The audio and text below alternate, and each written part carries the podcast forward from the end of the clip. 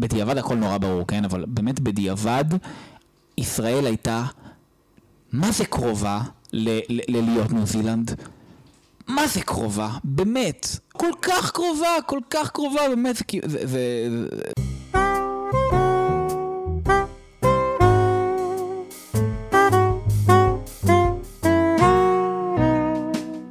אדם אקראי, הפודקאסט שאפשר בלעדיו.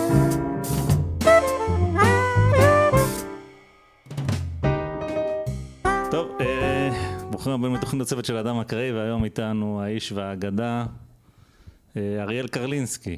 שלום לך. שלום לכם, תודה שהזמנתם אותי. תודה שהסכמת לבוא אה, להתראיין בפודקאסט הצנוע שלנו. אנחנו בעצם התוודענו לעבודה שלך בעקבות הפרק סיכום הבלתי נגמר שעשינו על הקורונה. ככה אני התוודעתי, ג'ריידי פה הכיר את זה כנראה קצת לפני. וכן, בקצרה אנחנו סוגדים לך, פחות או יותר זה היחסי הכוחות בינינו פה. שמחנו מאוד שתבוא ו... חושב אוהב קשקש, בואו ניכנס uh, ישר לעניינים. Uh, מר קרלינסקי, בוא תספר לנו בעצם מה אספת שעליו זכית לתהילת עולם. Uh, תהילת עולם מאוד לא, אבל אולי מתישהו. Uh, אספתי נתונים על כמה אנשים מתים מכל הסיבות בהרבה מאוד מדינות בעולם. למעשה המאגר שלי, או יותר נכון המאגר שלי ושל השותף שלי למחקר, אה, דמיטרי קובק, שהוא דוקטור באוניברסיטת טיבנגן בגרמניה. אה, הוא המאגר הגדול ביותר בעולם לנושא הזה, אה, של כמה אנשים מתו בכל שבוע, חודש או רבעון לפי המדינה. עכשיו אנחנו על 91 מדינות, וזה נתונים מאוד מ-2015 עד, יש מדינות שכבר יש לנו נתונים על 2021, אבל הפוקוס היה בזמנו על, על 2020. וואו. אבל למה עשית את זה? זאת אומרת, בוא, בוא, בוא נשים פה את ה... מכל הדברים שאפשר לאסוף, כן? אפשר לאסוף כאילו פקקים של... אה, אני לא יודע אפילו איזה פקקים אפשר לאסוף. מה? אה, אוקיי, אז אני, אני, הדיי ג'וב שלי זה, אני חוקר בפורום קהלת לכלכלה, ההכשרה שלי זה כלכלן וסטטיסטיקאי, אמ, ומה שאני עושה ברגיל זה מחקרים כלכליים, סטטיסטיים על המון דברים, החל מאיך אה, אה, מתחלקים מיסים וקצבאות ב- בישראל לעומת העולם, ואיך אה, חרדים משתלבים בשוק העבודה, ומס הכנסה שלילי, וכל מיני דברים ש- שאותי נורא מעניינים, כן? אבל יחסית רחוקים מהעולם הזה. אבל אז, אז הקורונה מגיעה. ושמה את כולנו בבית, ובין השאר הפרויקטים היותר גדולים שלי הם דורשים שאני אהיה במקום פיזי שהיה סגור, שזה חדר מחקר של הלשכה המרכזית לסטטיסטיקה. וכל ה... כל פורום קהלת, שזה מכון מחקר, פשוט עשה איזשהו חצי פיבוט כזה ל... לנסות להבין מה לעזאזל קורה פה, מה לעזאזל יקרה פה, מה כדאי לעשות, אה, מה לא כדאי לעשות. ובערך בתקופה הזאת מתחיל כל הסיפור הזה של, אה, של החלפת הסטיקרים של יורם לס. שהוא בא ואומר, תקשיבו, בואו נסתכל על הנתונים של מרץ, אולי אפילו כבר אפריל, נראה לי רק מרץ, הוא אומר משהו כמו, אתם יודעים, במרץ רגיל מתים, אה, לא יודע, 3,000 אנשים. אתם יודעים כמה אנשים מתו במרץ 2020, כביכול מגפה? אותו מספר בדיוק, או כזה, אתם יודעים, איזה עשרה יותר, עשרה פחות, משהו כזה. כלומר, זה שכל היום בתקשורת אומרים לכם, היום מתו שלושה אנשים מקורונה, מחר מתו ארבעה אנשים מקורונה וכו', זה נטו הפחדה. זה בעצם אותם אנשים שמתו שנה שעברה משפעת, או שדרסה אותם מכונית, או, או סרטן, או 20 אלף דברים אחרים, פשוט החליפו להם את הסטיקר, והסטיקר הזה נורא מפחיד אותנו, כי קוראים לו קורונה. והאמת היא שאני מאוד מזדהה עם הטיעון הזה, עם כמה שהיום זה נשמע לנו כמו טיעון כמעט, כמעט uh, מיסטר, מיסטר איבל כזה, מיני מי כזה. כי אם יש משהו שאני בתור כלכלן אמפירי חוקר יודע, זה שקל מאוד לשים את הפוקוס על איזשהו נושא מסוים, ואז לחשוב שהוא ממש ממש נורא ואיום. אה, זה קורה לי הרבה למשל עם תאונות דרכים. הרבה אנשים לא יודעים את זה, אבל ב... כבר יותר מ-20 שנה, אבל בערך 20 שנה יש ירידה תלולה בכמות ההרוגים בתאונות דרכים בישראל, אבסולוטית, פר גודל אוכלוסייה, פר מכוניות, מה שלא תרצו. ו... אבל אם כל יום אתם שומעים, היום נהרגו כך וכך אנשים בתאונות דרכים, אז אנשים מקבלים את הרושם כאילו המצב, לא רק שהוא לא נהיה יותר טוב, אלא שהוא מחמיר. ושכאילו מלא, באמת, כאילו אלפי אנשים מתים בתאונות דרכים. וזה לא נכון. אמ, אז, אז, הנושא, אז האמירה הזאת של, של אס ואחרים, שבעצם מה שחשוב זה לא האם רופא בא ואמר נראה לי שהוא מת מקורונה, אלא מה שחשוב זה באמת אם החודש, השבוע, מתו יותר אנשים ממה שהיה הגיוני שימותו. כי אם זה פשוט, אתם יודעים, שנה שעברה קראנו לזה שפעת, והשנה אנחנו קוראים לזה קורונה, אז, אז אין פה סיפור. אז אמרתי, אוקיי, אני כאילו, מעניין אותי לבדוק את זה. ואני גם הייתי יחסית בצד היורם לאסי הזה, כן? כלומר, אני חשבתי שבאמת יש פה איזושהי הגזמה, שכל הנושא גם של הסגרים הוא תגובה ממש ממש מוגזמת, ושאין צורך בזה. אבל ישראל, לא הייתה איזה מוקד קורונה ידוע, אז אז בזמנו היו שניים ממש גדולים. אה, היה את ווהאן בסין, ואיטליה, וקצת בניו יורק, כן, את כל הסיפור של ניו יורק עם, ה, עם הבתי אבות. ואמרתי כזה, אוקיי, מעניין אם באמת, אה, כאילו, אם בעוד מדינות, בואו בוא נמצא פשוט את הנתונים, נראה, נראה, נראה אם גם שם הייתה תמותה עודפת או לא הייתה תמותה עודפת וזה. ופשוט לא היה. פשוט לא היה דבר כזה. כלומר, לא היה שום מאגר אה, שמתכלל את כל הנתונים האלה, ואני בתור חוקר, 90% מהזמן שלי זה לאסוף את הנתונים. אבל ברגיל לפחות יש גופים כמו ה-OECD והאו"ם והבנק העולמי וה-IMF הם מלא גופים, לא יודע, כלכליים, חברתיים, מחקריים אחרים שאוספים את הנתונים האלה בשבילי. כלומר, אני לא צריך עכשיו ללכת ללשכה הסטטיסטית של שוודיה בשביל להשוות כמה אנשים, אה, את שיעור התמותה שם ב-2010 לעומת ישראל. את זה יש לי. אבל כשמסתכלים, מחפשים רזולוציה קצת יותר גבוהה של שבוע, חודש, של מה שקרה כאילו אתמול, פשוט לא היה. ואז לאט לאט התחלתי לאסוף. ועם הזמן הסתבר שהיה לי את המאגר הגדול ביותר בעולם, ואז בטוויטר פגשתי את uh, שותפי למחקר דמיטרי, שגם לא היה נתונים על איראן, שזה כאילו היה יחסית מיוחד, זה היה כזה, זה כמו כזה כמו בסופרגול, שיש לשניכם כאילו ג'וקר, ואתם כזה, וואי, גם לי. אז כאילו, כי ראיתי כבר הרבה אנשים אחרים עושים כזה, טוב, לא יש את צ'כיה, לא יש את הונגריה, כאילו, תמיד לכל בן אדם היה קצת משהו. זה כמו כשהיינו ילדים, לך יש את הקלף הזה של ה... אבל בדיוק, אני אומר, היה כאילו- לנו בדיוק את אותו קלף. כאילו, וזה קלף שתמיד, ש, שהוא ממש מסמן על זה שאתה מצאת את זה יחסית לבד. וכאילו, תחשוב, תחשוב שתגיד בכניסה לוורלד מיטרס ולכל האתרים האלה, אז חלק מהמדינות כבר היה לך, כאילו ארצות הברית, לכולם היה נתונים, איטליה לכולם היה נתונים. איראן זה היה משהו כזה שרק אם באמת הלכת לפינות האפלות של האינטרנט והשתמשת ב-VPN, כי אחרת האתר של הלשכה הסטטיסטית האיראנית הוא חסום, כי אתה ישראלי, הוא לא ישראלי אגב, כן? אמ, אז יש משהו מיוחד, והניתוח שלו גם היה קצת שונה מאיך שאני עשיתי את זה, והחלטנו פשוט לשתף פעולה. ו... וזה למה עשיתי את זה. הבנתי, הבנתי. זאת אומרת, האמת היא שאני חייב להגיד שחשבתי, חשבתי שזאת בערך תהיה התשובה. אני אגיד לך למה אני אוהב את, ש... את הפרויקט הזה. למה אני מאוד אוהב את הפרויקט, לא סתם. תודה רבה. כי יש נטייה, אני בתור אחד שבא גם כן מעולם ה data science, יש נטייה לשים את הזרקור, לשים את הדגש על המודל.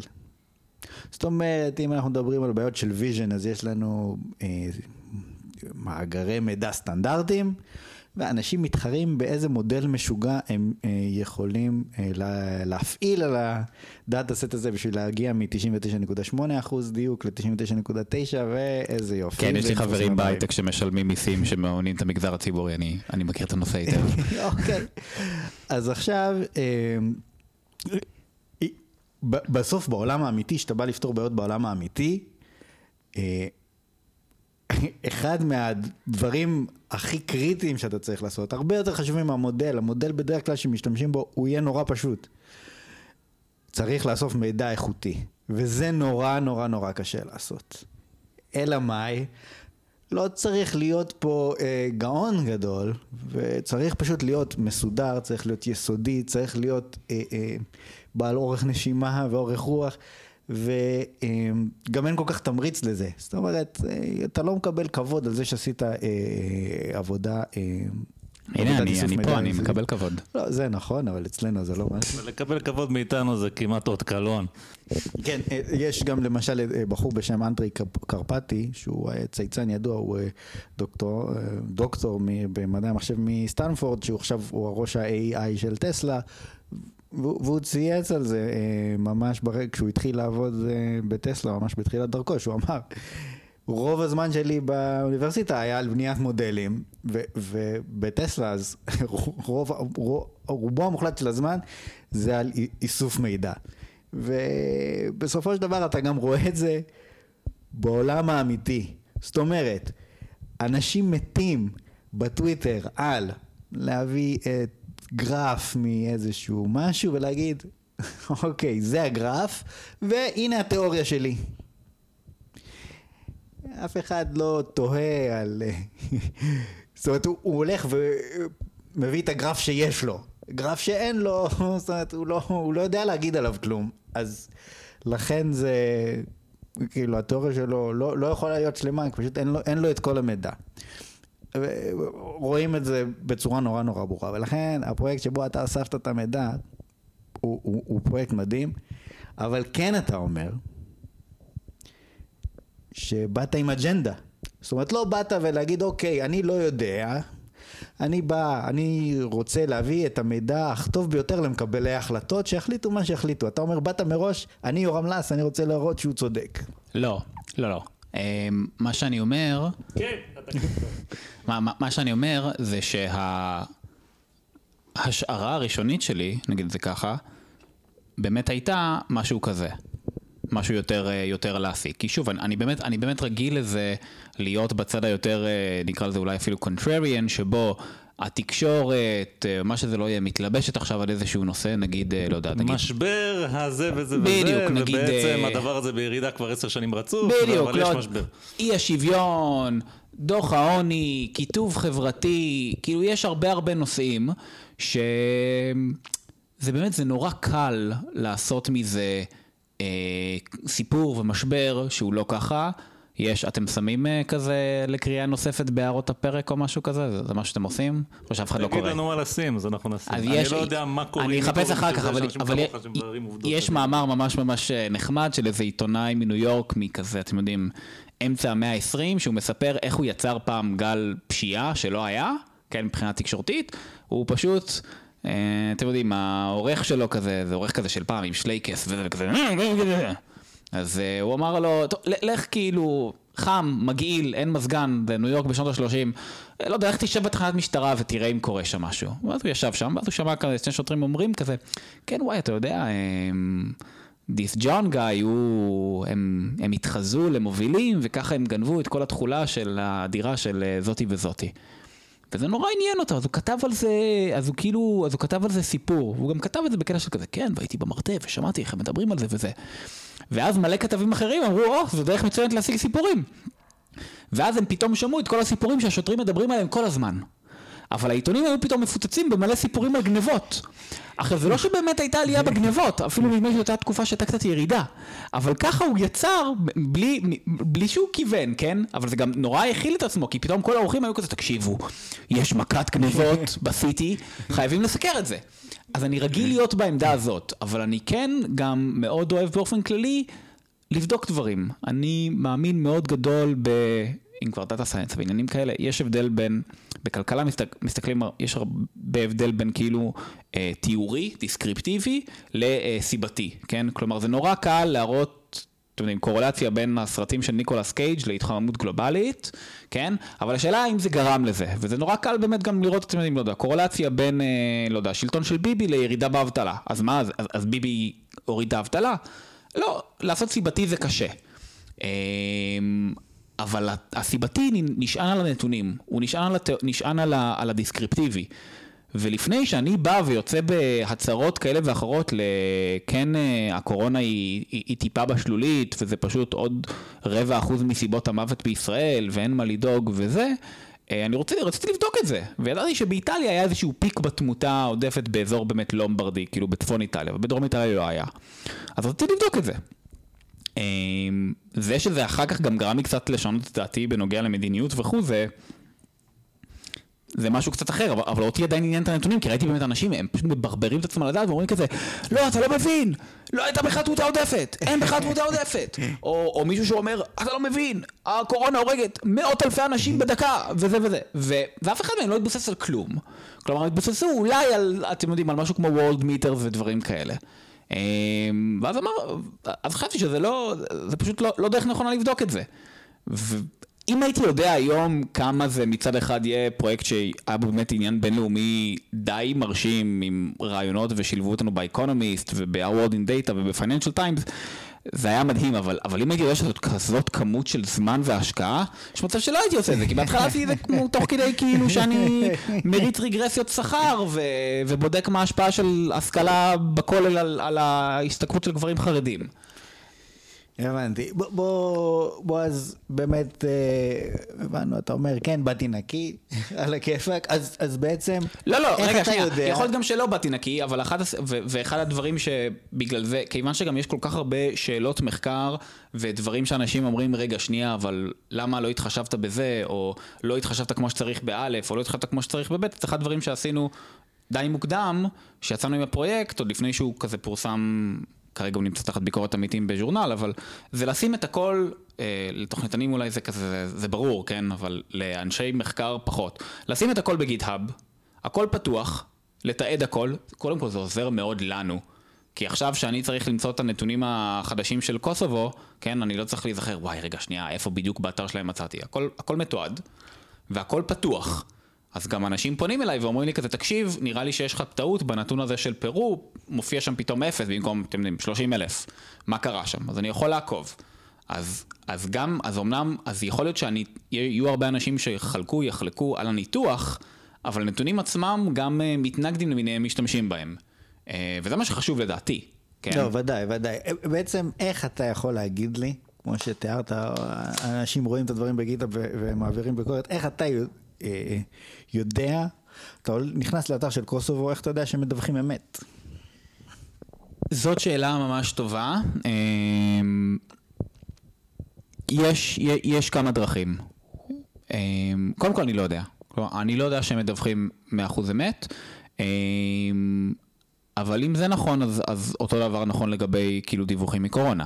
שדיווחים מקורונה, כאילו תמותה וקייסים של קורונה, זה יש לנו אינדיקציות אחרות מצוינות, אמ, שהם שקר במקומות מסוימים, למשל, למשל בלרוס. בלרוס כל יום מדווחת לא יותר מעשרה מתים מקורונה. אם תסתכלו כזה על גרף תמותה יומית קורונה בבלרוס, זה מקסים. כן, זה מקסים, זה נורא. זה 8, 9, 10, 8, 8, 8, 9, 9, 10, 8, 8, 9, 10, 10. בחיים לא עלה, עלה מעל 10. אמ, אז זה די ברור שזה פייק. וזה גם משטר שמאוד ידוע בזה שהוא הוא, הוא מזייף דברים, כן. אמ, מה שאני כן אבל יכול לראות, וזה תלוי במדינות, אבל בכל המדינות זה היה ככה, זה התאמה למתי שאין קורונה. כלומר, נגיד אני מסתכל על תמותה חודשית בניקרגואה, שזו דוגמה למדינה שמזייפת באופן נרחב כנראה את נתוני הקורונה שלה. ב-2018 אני מסתכל כזה על התמותה החודשית, זה נראה כמו... נראה כמו סמיילי כזה, כן? כלומר, מתים יותר בדצמבר מתים, ומתים יותר בינואר, ובאביב כזה מתים פחות, ככה זה גם בישראל ויפן. ואז התמותה ב-2019 נראית אותו דבר גם כן. ואז התמותה ב-2020 בינואר-פברואר, כשעוד אין קורונה, אולי אפילו גם במרץ, נראית גם כאילו, אתם יודעים, תעשה איזה shift קטן בכמה עשרות, מאות אנשים, תלוי בגודל האוכלוסייה, יש טרנדים כלפי מעלה, כלפי מטה, אבל עקרונית, אתה יודע, מודל Machine Learning סופר מתוחכם, שהיה בא ואומר, ינואר 2020 צפויים למות ממוצע של כמה שנים קודמות ועוד איזה פקטור כלפי מעלה, כלפי מטה, ווואו, זה MSE מעולה, כאילו זוכה בקאגל בקלות, כולם היו זוכים בקאגל, ואז זה לא הגיוני. ואז כשהקורונה מתחילה, אתה פתאום רואה את זה מזנק. עכשיו, יכול להיות שהם משקרים גם פה, אבל אם הם משקרים גם פה, הם משקרים כאילו כלפי מה? כלפי מטה? כלומר, צפית שימותו אלפיים אנשים ביולי בניקרגואה? מתו ארבעת אלפים, אוקיי? אז האם יכול להיות שבעצם מתו ששת אלפים? כן, במיוחד במדינות שבהן אנחנו יודעים שבאופן כללי הרישום שלהם קצת חסר. כן, כלומר, הם לא מצליחים לתפוס את כל האנשים שמתים, כי אתם יודעים, קהילות הרריות כאלה, ולא כמו פה בישראל שיש גם תעודת זהות וזה. אבל אם הם לא הצליחו לתפוס את האנשים האלה ב-2019, ואחר ב-2020 יש מגפה, וחלק מהמשרדים האלה היו סגורים, והם בעצמם כבר מדווחים על עלייה של עשרות ומאות אחוזים, אז קל וחומר ש- ש- שקורה שם משהו, כן? לא, זה אני מבין, אבל עזוב אותי כרגע מהקורונה, אנחנו מדברים על תמותה מכל הסיבות. כן, אז אני אומר, אבל גם, אז, אז גם אם, אה, גם אם בלרוס, ניקרגואה ומדינות אחרות שאתה יכול להגיד שאתה לא סומך עליהן, אז קודם כל יש, יש כאילו אומדנים כאלה של האו"ם לגבי עד כמה הם מצליחים לתפוס את כל התמותה. אפריקה למשל ידועה לשמצה באופן לא מפתיע, שרוב המדינות שם אה, או לא רושמות בכלל תמותה, או רושמות כאילו אחוז מאוד מזערי מזה, או לא מנסות בכלל. אבל שוב, אם גם במדינות האלה, אז נגיד שהמדינות האלה קונסיסטנטית מצליחות לתפוס רק 70 אחוז. אבל ב-2020, בדיוק איך שהקורונה מתחילה, אתה רואה קפיצה, כן? אז יש קונסיסטנטיות פנימית לנתונים, אז אם יש שוב, Machine Learning עניינים, אם יש bias, כן, אז ה-bias קיים בכל התקופות. עכשיו יש אפילו עבודות שטוענות אחרת, שטוענות, אה, כאילו לא טוענות אחרות, טוענות שזה יותר מוקדם, למשל פרו, שזה כנראה המקום מבחינת העלייה בתמותה הגדול בתבל, או לפחות הגדול ביותר שיש לנו בנתונים, אז אני בקשר עם איזה חוקר אה, ברזילי פרואני כזה, ברזילאי, סליחה, שאומר שמה שקרה זה שגם ב-2020 ו-2021 הייתה אפילו הפרעה ברישום, הרישום עוד פחות, ולכן התמותה העודפת עוד יותר גדולה ממה שאנחנו מוצאים, כן? אמ, אז, אז שוב, יש את הקונסיסטנטיות הפנימית הזאת. האם יכול להיות שיש הטעיה והם לא מצליחים לתפוס את כולם ואפילו אולי איזשהו שקר גדול? כן, אבל השאלה היא שקר לעומת, לעומת מה. ברוסיה למשל זה מאוד ברור שהלשכה הסטטיסטית הרוסית יודעת למצוא שבן אדם מת. לעומת זאת, הנתוני קורונה, פוטין הנחית הוראה שאתה תסווג כנפטר קורונה אך ורק אם נתיחה שלאחר המוות שללה כל אפשרות אחרת. כן? מה הסיכוי שאפשר לבדוק מאות אלפי רוסים מתים כל חודש אה, לזה? לא, אין, אין אף אחד... אין, אין שום סיכוי, בדיוק. אז האם הלשכה הסטטיסטית של רוסיה אה, משקרת ובחודש רגיל לא מתים 150 אלף ופתאום מתו 250 אלף, אלא זה המספר ההוא יותר גדול, המספר ההוא יותר גדול? יכול להיות, אנחנו כן חושבים שלפחות יש איזשהו היגיון בשיגעון, ואם... ברגיל הם, לא יודע, מדווחים כזה 70 אחוז, אז גם עכשיו יש 70 אחוז, רק שה-70 אחוז עכשיו הוא 250, וה-70 אחוז אז הוא 150. ההפרש הזה הוא עודף. בגדול מה שאתה אומר לי, שאתה בדקת, ואתה אומר, אני יכול להסתכל על כל השנים לפני הקורונה, ואני יכול לזהות שאין תנודתיות מאוד גדולה בדיווחים. זאת אומרת, התנודתיות היא אה, בסדר אה, גודל סביר. גם אם יש דיווח חסר, דיווח חסר מתבצע לאורך כל השנים, ולא שהרעש פה הוא אה, יותר גדול מהסיגנל.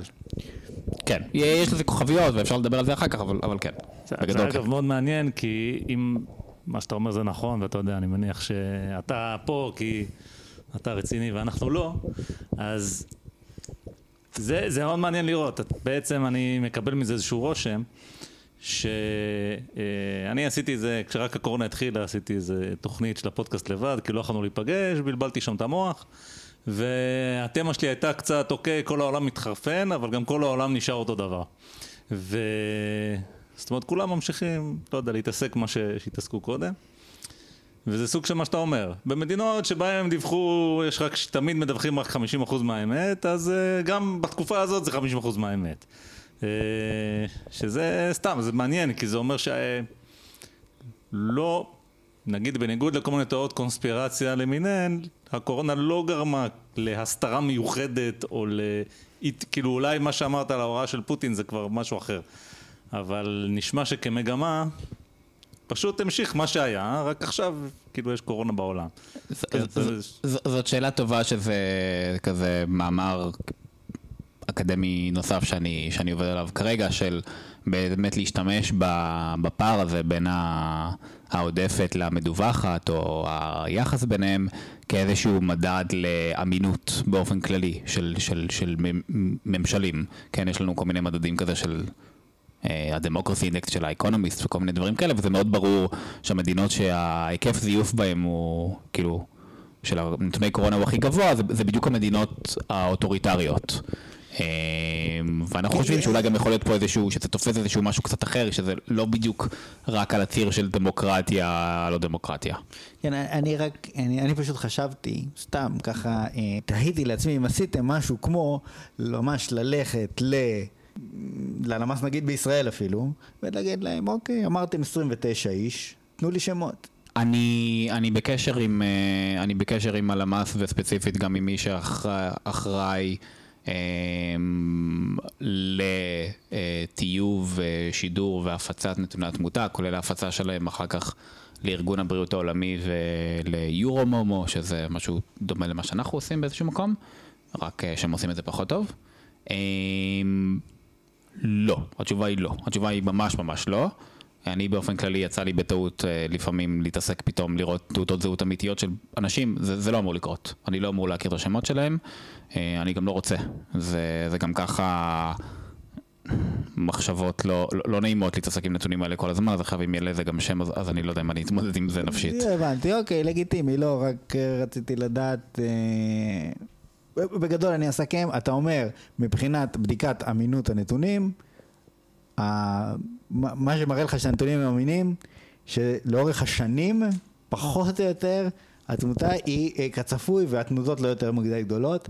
זה נשמע לי בהחלט מספיק. סתם אה, תהיתי לעצמי ותהיתי מה אולי המאזינים גם מתעניינים בשיטה של ה-QA על ה database הזה. אוקיי. אנחנו יודעים שהמספרי אה, נפטרים מתעדכנים באיחור. איך אנחנו יודעים את זה? מכל הוויכוחי טוויטר למיניהם. אז בעצם איך אתה יודע מתי, אתה, מתי הנתון מעודכן ולא ישתנה יותר? האמת היא שאף פעם, האמת היא שממש אף פעם. אמ, יש מדינות שבהן זה יותר נקרא לזה חמור, ויש מדינות שבהן זה פחות חמור, אבל עקרונית, במצב, תחשבו שלא הייתה קורונה, כן? ושאנחנו עכשיו, מה אנחנו ב-2021, במצב שגרתי לחלוטין, ב-2021 היו אמורים להיות לנו נתונים ראשוניים על, במדינות מפותחות עוד אני מדבר, כן? כאילו OECD, ישראל, שוודיה, ארה"ב, אה, אנגליה, בלגיה, אה, על 2018-2019. ואולי גם לא 2019. כן, כלומר בדרך כלל זה מגיע בפיגור של כמה שנים טובות, וואה. כן? עכשיו ספציפית, אבל מה- מה הסדר גודל של הפיגור? זאת אומרת, אני מבין שהנתון מתעדכן, והוא יכול להתעדכן לנצח. כי פתאום יגלו שעוד איזה בן אדם נפטר ב-2019, אבל השאלה היא כאילו, אוקיי. נכון, שה- יש, יש פה עניין של, יש פה עניין של, של, של מגנטוד של, ה, של התיקון. אה, למשל הנתונים הברזילאים, שלצערי אני מכיר אותם היטב, אז, אז אנחנו בראשון למאי, נכון? אז כבר בראשון למאי יש, יש כאילו נתון על, על אפריל, כי יש להם מערכת מעקב תמותה בזמן אמת, שכל יום הראתה לי כמה אנשים נפטרו באפריל בברזיל. אה, מהניסיון שלי, כי אני כבר מכיר את הנתונים, זה נראה שמהדיווח הראשון שלהם, שהוא מלא, כאילו שהוא, שהוא, שהוא על 30, שהוא על חודש מלא, עד, ל, עד לדיווח ה... שוב, לפחות האחרון שאני ראיתי ב, בתקופה שאני עובד עליו, זה יכול לעלות באזור ה-12%, שזה די הרבה. בישראל, בשיא של, של הקורונה, שזה היה באוק... בשיא של התמותה העודפת מקורונה שזה היה אוקטובר ואז היה עוד שיא בינואר, אבל אז התמותה העודפת הייתה קצת יותר נמוכה ואפשר לדבר על גם למה, אמ, אז המספרים התעדכנו לפעמים גם ב-20%, אבל זה היה נתונים שבויים, וזה גם היה תמיד הנתון האחרון. כלומר, מי שיסתכל באקסל הלא קל לעבודה, אבל נוח לצפות בו של הלמ"ס, אז הנתון של השבוע שבועיים האחרונים הוא תמיד אה, באיטליקס, בקטע של כזה, חכו. קריצה קלה למשתמש. בדיוק. אהבתי את ה meta data הזה, זה ב italics, זה לא, זה... בדיוק, ואנחנו גם... אפרופו נתונים מוטים אגב, הם ממש מוטים. מצוין. אנחנו, ואנחנו גם במאגר, אנחנו כותבים, שימו לב, כל הנתונים הם בחזקת ארעי, אבל כמו שאמרתם, יכול להיות משהו שיתעדכן עכשיו בעוד ארבעה אנשים מסתבר מתו בטיוואן בינואר, כן? בדרך כלל, כשה, כשהנתונים הם חודשיים אז העדכון הוא בדרך כלל יחסית נמוך, כשהנתונים הם שבועיים הוא יחסית גבוה. יש מדינות כמו בריטניה ו- ושוודיה, שלפעמים אפילו מדווחות באופן שוטף. כלומר, הן פשוט אומרות, "ה- היום, כן, מתו איקס אנשים. שזה הכי גרוע. באיזשהו מקום. אה, בארצות הברית הם לפחות כוללים איזשהו אה, כזה מדד של, שה-CDC מחשב של completeness. הם אומרים, תקשיבו, אנחנו אומרים לכם שהשבוע מתו אה, 30 אלף איש, אבל זה, זה לא complete, כאילו זה 57 אחוז complete. מאיפה הם קריאייטו את המספר הזה אני לא יודע, אבל אל, אל, אל, אל תשתמשו בזה בתור באמת מתו רק 37 אה, אלף איש. בסוף זה יתעדכן, ספציפית הנתון הזה, אם אני זוכר נכון, יתעדכן כבר יודע- ל-75 אלף. אתה נתת לי רעיון, הנה סטארט-אפ, מה היה יכול לעזור לכל הוויכוחי טוויטר האלה? אם ליד כל הנתונים היה את העיגולד הזה שמסתובב, שנטען את הספינר הזה, והוא היה נשאר ככה תמיד. ורק באמת שהנתון היה אמין הוא היה נעלם, כי זה אנשים מבינים. תן להם מספר, תגיד להם, הנתונים הם ארעיים, נא לא לקפוץ למסקנות, כן, כן, כן, כן, כן, הולך לטוויטר, כולנו עומדים למות, אה, או לחלופין, אה, אין מגפה, כולם שקרנים. תעשה את הספינר הזה. אני חייב להגיד שמה שאתה אומר כרגע זאת שערורייה. אני בהלם.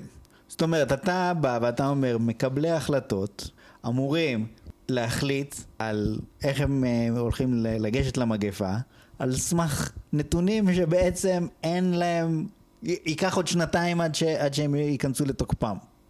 אמ, אז לתמותה עודפת, כן. ויותר מזה אני אגיד לך, יותר מזה אני אגיד לך, זאת שערורייה, אני קצת מתבטא בחריפות, זה לא נעים לי, אבל זאת שערורייה פרופסור לס, שהיה מנכ"ל משרד הבריאות, אומר את זה כשהוא יודע שזה המצב, שהנתונים מת, מתעדכנים ב lag כזה.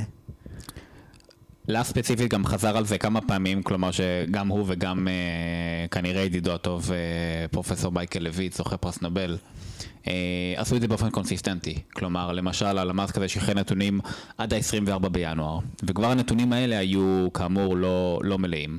מאז אגב הלמ"ס, אה, לדעתי בחוכמה, החליט להיות פחות כאילו עדכני, אבל יותר אה, שלם ממה שהוא עושה. כלומר, הוא היום לא ידווח מה קרה לפני שבועיים, הוא ידווח מה קרה לפני שלושה שבועות.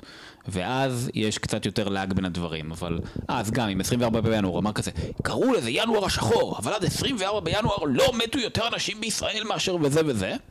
ו- ויש גם את אחד הרעיונות הראשונים, עוד לדעתי אפילו עוד אז במרץ, אז הוא עושה כזה, ואני אספר לכם סוד, זה בגלל שלוקח זמן לנתונים האלה להגיע ולהתעדכן.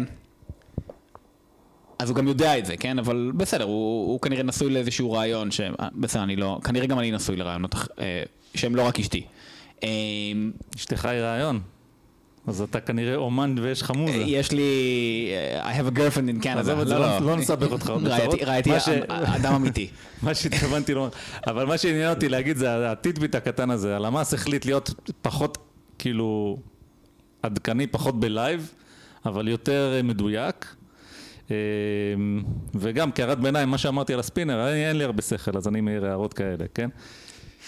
אני חושב שזה באיזשהו, בעידן שאנחנו, בו אנחנו חיים, כאנשים פשוטים שלא יודעים יותר מדי, התחושה היא תמיד ההפך. זאת אומרת, אנחנו חיים בעידן של נורא אינסטנט. יש, אני חושב, תחושה כלא יודע, כמשתמש של אלף שירותי מחשוב אה, כל יום, כמו כל אחד מאיתנו, שדווקא מה שנורא עדכני הוא יותר אמין. אבל מה מסתבר? מסתבר שכשבדברים רציניים, או לפחות בנושא הזה, אה, לא. צריך סבלנות, צריך לחכות אה, לאיזשהו, לא יודע איך לקרוא לזה, הגעה לאיזה שיווי משקל של נתונים, אה, סתם, פשוט להגעה של נתונים שלוקחים זמן. ו... אה, אומר, וגופות זה לא משהו שנרשם במחשב אוטומטית. היו זה לי, היו. היו לי שיחות על זה עם הלמ"ס, זה, זה, זו, זו, שאלה, זו שאלה קשה, כי מצד אחד, אה, כמו שאמרת, אתה, אתה לא רוצה, אה, בסדר, אתה, הם היו יכולים להגיד כזה, אוקיי, אתם יודעים, בדרך כלל זה לוקח זמן, בואו נחכה שנתיים, ולא נפרסם, שזה מה שהרבה מדינות עושות. טורקיה למשל, בתקווה, בתקווה, בתקווה, אבל יש לי הרגשה שאולי הם אה, לא יעשו את זה כמו שצריך, כי בטורקיה כנראה שיש הסתרה משמעותית גם כן. אה, בסוף יוני הם יפרסמו את הנתונים של 2020. אין אפילו נקודת נתון אחת לגבי תמותה בטורקיה ב-2020, אף לא אחת. שפה בארץ, כשאני מסביר, מראה לאנשים נתונים עד כזה סוף פברואר, אולי אפילו כבר סוף מרץ, הם עושים לי, אנחנו כבר בסוף אפריל, ואתה מראה לי את סוף מרץ? זה נראה לך סביר? שאגב, ישראל היא אחת המדינות היחסית מהירות בנושא הזה, כן? המדינות הכי מהירות, אגב, זה מדינות באמת דרום אמריקה, כי הם ממש לפני כמה שנים עברו כזה רפורמה מאוד גדולה. לא, לא, היה שם, לא היה שם רישום אוכלוסין עד לפני כמה שנים בהרבה מהמקומות האלה, וממש נתנו על זה גז, יש שם באמת מערכות מעקב בזמן אמת, כי גם יש שם הרבה פעמים איבולה וזיקה ודברים אחרים שצריך לעקוב אחריהם. אך בגדול תמותה עודפת זה בדרך כלל לא אה, מה שקוראים לו באפידמיולוגיה מכשיר מעקב, זה לא surveillance, כן? surveillance זה אתה רוצה to get on top of things before they escalate. כלומר, אתה באמת רוצה שדוקטור כהן, גם אם הוא נמצא ב... אתם יודעים, כזה מושב עם ארבעה אנשים, אם הוא מזהה שם מישהו שיש לו זיקה, אז הוא צריך להרים את האזעקה. כן? אנחנו לא רוצים לחכות עכשיו שהוא ימות ולראות, טוב, בדרך כלל במושב כך וכך מתים ארבעה אנשים בשבוע, השבוע מתו חמישה, זו עלייה של 20 אחוז, אבל זה לא מובהק סטטיסטי. הוא אז לא מת מזיקה, הוא מת עם זיקה. כן, בדיוק. אז, אה, אז תמותה עודפת בדרך כלל... שהוא... תמותה עודפת זה בדרך כלל משהו שהוא כזה בדיעבד, אבל עכשיו באמת, המדינות, ה- ה- לפחות המדינות המפותחות, קיבלו החלטה מודעת to speed up the process, להקדיש לו גם קצת יותר משאבים, ויש מדינות שהחליטו לא לעשות את זה כאמור, סטייל טורקיה, סטייל הרבה מדינות אחרות שאומרות כזה, כן, מה, אנחנו, אתם יודעים, ב... אנחנו בשנת 2018 עשינו תוכנית, ואמרנו שכל יוני אנחנו נדווח את הנתונים של השנה שעברה, וזו התוכנית שעשינו, ולכן זה מה שאנחנו נעשה. אמ, אז זה שמשתמשים בנתוני כאילו קורונה כ, אה, כמדד לפעילות מיידית, מה קרה אתמול, מה קרה שלשום, מה יקרה מחר, זה סביר. מבחינתי זה עדיין קצת מוזר, כי גם שוב, נחשוב על זה בנתונים, מישהו שנפטר מקורונה, הוא בטוח נפטר. זאת תת קבוצה של מי שנפטרו. עכשיו, כל מי שנפטרו זה כל מי שנפטר מקורונה, או אתם יודעים, עם קורונה, וכל מי שלא. אז דווקא הנתון של כל מי שנפטר היום אמור להיות לי. בטח בישראל, ש... ש... כלומר, אתם יודעים, יש, יש לכם מדינות למשל באפריקה, שאנחנו יודעים שבין 60 ל-70 או אפילו 80 אחוז מהאנשים מתים, מה שנקרא, בקהילה. וזה לא אומר שהם מתו בקופת חולים, זה אומר שהם מתו בבית. כן? בישראל, אני לא זוכר את הנתון, אני לא אתפלא אם זה בערך 98.9 אחוז מהאנשים מתים בבית חולים. אז, אז עקרונית המידע אמור להיות יחסית זמין, זה אפילו אמור להיות מהיר יותר מאשר נתוני קורונה, עובדתית בכל העולם זה לא ככה. כלומר, בכל העולם, כולל במדינות הבאמת אה, מפותחות ביותר, אם אתה רוצה לעשות מעקב בזמן אמת אחרי אה, מגפה, מחלה כזאת או כזאת, אז אתה מוריד דירקטיבה כזאת. רופאים יקרים, מעכשיו כל חשש אה, שיש לכם לקורונה, זיקה, איבולה, איידס, כל דבר שאתם יכולים לחשוב עליו, תודיעו מיידית. וזה מערך אחר לחלוטין מאשר המערך של כמה אנשים מתו סך הכל מכל הסיבות. תהיתי לעצמי, אתה, אתה מתאר באמת את המאמץ האדיר שנדרש בכל מדינה בשביל לייצר את הנתונים האלה. אבל אתה בעצמך לא אה, אחראי על הקמת המערך הדיווח, אתה בסך הכל הולך ללמ"ס. איך זה יכול להיות שזה אתה? זאת אומרת, בעולם יש אה, אה, כמה? תשעה מיליארד איש. איך מכל ה... זאת אומרת, בזמן קורונה, שכולם מתעניינים בנתון הזה, אה, איפה המתחרים שלך? אמ, אתם מכירים את הבדיחה על הכלכלן והאיש עסקים? אתם לא כלכלנים. לא, לא. Nobody's perfect. אמ, כלכלנים באופן כללי מאוד מאמינים במה שנקרא שיווי משקל, ושאין רווחים, מה שנקרא אין ארביטראז', כן? כלומר, אין דבר כזה, אתם יודעים, כל הפרסומות האלה של כזה, אה, וואו, הזדמנות עסקית מדהימה, תשימו 5,000 דולר, תקבלו 400 אלף דולר בתמורה. אנחנו לא מאמינים בזה לא רק בגלל שזה נשמע כמו סכם ארץ הסכם, אלא כי אם זה היה נכון, אז, אז אותו בן אדם שהיה מציע לכם את זה היה יכול לעשות את זה כמה וכמה פעמים ופשוט להיות מיליארד, אה, המיליארדר הכי גדול בעולם. ונניח שזה היה נכון, נניח אתם יודעים, יודע, שיש איזושהי מניה כזאת שהיא, אתם יודעים, easy money או משהו כזה, מספיק אנשים היו עושים את זה ככה שזה כבר לא יהיה easy money, כן? אתם יודעים, הסיפור השנה זה שכשהספר שלכם מספר לכם, מה, שמעתם על ביטקוין, וזה הזמן כנראה שכבר יותר מדי אנשים יודעים על זה וזה כבר לא הזדמנות עסקית כזאת גדולה. אז כלכלנים בגדול מאמינים באמת בדיוק במה שאתה אמרת, של, של למה שתחקור את זה? בטוח מישהו כבר עשה את זה. אז, אז הבדיחה הידועה זה שכלכלן ואיש עסקים הולכים ברחוב, ויש אשכרה מניה, כסף על הרצפה, שטר של 100 שקל על הרצפה. האיש עסקים עושה לחבר הכלכלן שלו, תראה, כסף על הרצפה! והכלכלן עושה, לא, זה לא יכול להיות, אה, בשיווי משקל לא יהיה אף אחד. לא יהיה כסף על הרצפה, כי כל כסף שיהיה על הרצפה מישהו יבוא וייקח אותו. ואז האיש עסקים בא, לוקח את הכסף ואומר לו, אתה צודק! אז כל העולם הזה של באמת, אתם יודעים, כאילו, לא יכול להיות שלא עשו את זה, כבר עשו את זה. זה נכון כל עוד יש באמת אנשים שעושים את זה. ואני גם נורא הופתעתי, אני אומר, אני, אני בזבזתי די הרבה זמן בלנסות לחפש את המאגרים האלה. ולא מצאתי אותם. כן מצאתי, אתם יודעים, מאגר כזה שהוא... אה, מאגר מדהים האמת היא, short term mortality fluctuations של ה-human mortality database, שזה ארגון עם כזה כמה סניפים מברקלי ומכון מקס פלנק לדמוגרפיה בגרמניה, אבל הם בפוקוס של 99.9% על מדינות מפותחות. שזה אומר אה, ארצות הברית ושוודיה וקנדה וישראל ו- ודנמרק, אה, בגדול כמו מיין OECD כזה, שזה מאוד מעניין, זה מאוד חשוב וזה מה שהיה לי בהתחלה באמת, עם זה השתמשתי בהתחלה. אבל בדיעבד התברר שזה הכי פחות מעניין. בדיעבד התברר שכל הסיפורים האלה על זה שמנפחים לנו את הקורונה, לא רק בישראל אמרו את זה, כן, גם אמרו את זה בבלגיה ואמרו את זה בשוודיה, אמרו את זה בכל מקום. בשוודיה אולי פחות. אמ, זה פשוט לא נכון. כן, כלומר, התמותה העודפת והתמותה מקורונה הם, הם, הם, הם פיקס אחד על השני. יש קצת פערים פה ושם וזה, אבל זה, זה עניין של רעש.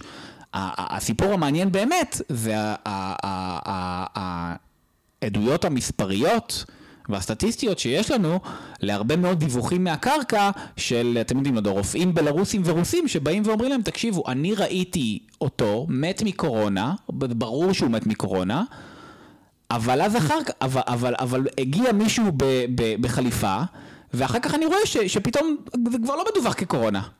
כן? ועשינו מלא בדיקות, ואנחנו רואים שכאילו, ואני יודע, אני ראיתי חיובים, אני בדקתי בעיניים שלי, ופתאום אמרו לנו שאף אחד לא היה חיובי באזור סיביר, וזה לא נכון. אז שם יש פער עצום, שהוא באמת עצום, ואני אני באמת דואג ל, לראשי הלשכה הסטטיסטית הרוסית. אני, אני באמת באמת דואג. אמ, כי זה לא... בוא זה לא- תשתף קצת, איך אתה מגיע ל... אתה, זאת אומרת, נתת לנו עכשיו איזה סיפור אה, עיתונאי מאוד מרגש, אבל לא כך הבנתי איך הוא הגיע לך. זאת אומרת, איך אתה, לצורך העניין, אתה אומר פה הרבה דברים לרוסיה, מה עשית? יצרת קשר עם האנשים, הם לא מפחדים לדבר איתך, אה, בוא תספר קצת איך זה עובד. רוב ה... זה קצת משתנה ממדינה למדינה, אבל רוב המדינות, ואם ניקח נגיד את, את רוסיה לדוגמה, אז כמו שאתה יכול להיכנס לאתר של הלשכה הסטטיסטית, אה, הלשכה המרכזית לסטטיסטיקה של ישראל, אז גם ללשכה הסטטיסטית של רוסיה יש אתר, ובאתר שם אתה יכול, אתה יודע, כאוות נפשך, בטח לפני 2020, למצוא מלא מלא נתונים שרוב הרוסים לא מכירים, כמו שרוב הישראלים לא מכירים את כל הנתונים על ישראל, אפרופו כל מה שאמרנו על תאונות דרכים. ויש שם פשוט טייבל ג'נרייטור כזה, של תן לי תמותה לפי חודש ברוסיה ובתוך כל גם המדינות שמרכיבות את רוסיה, כי רוסיה זאת פדרציה, תן לי את זה. ויחסית מוקדם זה היה מאוד ברור שיש שם, שיש שם פער מאוד משמעותי לעומת שנים קודמות וזה לא כל כך משנה איך אתה עושה את זה. אה, עם הזמן זה גם נהיה, זה תפס איזשהו הד תקשורתי, בעיקר באמת אצל, אה, נקרא לזה כזה, מתנגדי משטר רוסים, אה, שהלשכה הסטטיסטית ברוסית ממש התחילה להקדיש לזה כזה הודעות לתקשורת. פשוט הוציאה הודעה לתקשורת. בדיוק עכשיו קיבלנו את הנתונים של מרץ, אם אני זוכר נכון, במרץ מתו מעל, מרץ 2021 מתו מעל 191 אלף איש ברוסיה, כאשר הצפי הוא באזור ה... 100? לא, אני מגזים, 120, 130, משהו כזה. וזה אחד החודשים הפחות אה, גרועים, כלומר אה, נובמבר ודצמבר אה, וינואר היו, היו גרועים יותר. אז אצל הלשכה הסטטיסטית הרוסית זה, זה, זה היה יחסית באמת קל במובן הזה, פשוט יש גוף שהוא עצמאי, כן? והוא מפרסם נתונים באופן שוטף, כי, כי זה, זה המנדט שלו. המנדט שלו זה לאסוף את כל הנתונים האלה ממשרד הבריאות הרוסי ומבתי החולים וזה, לתכלל אותם ו- ולעשות איתם, ועקרונית, מקבלי ההחלטות ברוסיה אמורים גם לעשות עם הנתונים האלה כל מיני דברים. הרבה פעמים זה כנראה לא קורה, כמו שאני משוכנע שמקבלי ההחלטות בישראל עושים מעט מאוד שימוש, לצערי, בנתונים של הלמ"ס. אה, אבל הוא פשוט ממשיך לפרסם, כי, כי זה, זה המנדט שלו, זה, זה מה שהוא אמור לעשות. זאת העבודה שלו, בדיוק כמו שהעבודה של, של, של, של פוטין זה להרעיל אנשים, כן? כאילו זה ה... זה מה שהוא עושה בחיים. אבל, אז, אז לכאורה אתה, יש שם דיווחים שהם אה, אמינים מהלמ"ס הרוסי, לצורך העניין. זה מה שאני כן, מבין. כן, אז, אז, אז, אז, אז אני אומר, יכול להיות, כבר אמרו לי כזה, כן, וללמ"ס הרוסי אתה מאמין? אז אני אומר, תראו, יכול להיות שגם הם לא אמינים באיזשהו מובן, או בקטע שהם לא תופסים את כולם, או בקטע שהם גם עושים איזשהו פקטור כלפי מטה, כדי, אתם יודעים, לא יודע, לא, לא להלבין את פני רוסיה ברבים, או מה שזה לא יהיה. ועדיין, אם שם אני רואה שהתמותה העודפת היא, היא, היא באזור החצי מיליון, והתמותה מדווחת מקורונה היא 100 אלף, כן? בעוד שבמדינות מפותחות, שהם, ש, שאין, אף אחד לא מערער על האמינות של הנתונים שלהם, אתה רואה שזה יחס של כמעט אחד לאחד, כן? Mm-hmm. אז זה אומר דרשני. אז, אז שוב, האם יכול להיות שיש איזשהו לחץ פוליטי שמופעל גם שם, או שגם הם מפספסים, או שגם הם לא אמינים? כן. אוקיי, אז זה לא פי חמש, אולי זה פי עשר. אוקיי, והציטוטים האנונימיים האלה ש... שאמרת קודם, איפה הם מגיעים אליך? זאת אומרת, רופא שראה, מת, ואחרי זה ראה שם דיווח? תקשורת רוסית, גם, אני, אני בדרך כלל, אני, אני, אני פחות אוהב את כל הדיווחים האלה, כי באמת אין, אין, there is no way to substantiate them בדרך כלל, כן? כלומר, mm.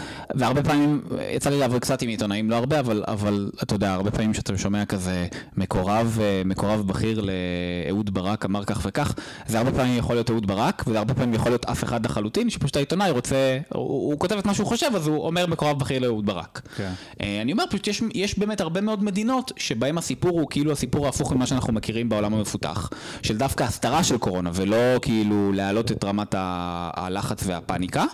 אה, ובהרבה מאוד מקרים אנחנו פשוט, אנחנו, אנחנו באמת מצאנו שזה, ש, ש, שזה נכון. אה, זה יכול להיות רוסיה, זה יכול להיות בלרוס, זה יכול להיות טאג'יקיסטן, זה יכול להיות ניקרגואה, אוזבקיסטן, מצרים, עוד הרבה מדינות. וחשוב להגיד, זה קשה להסתיר בן אדם שמת.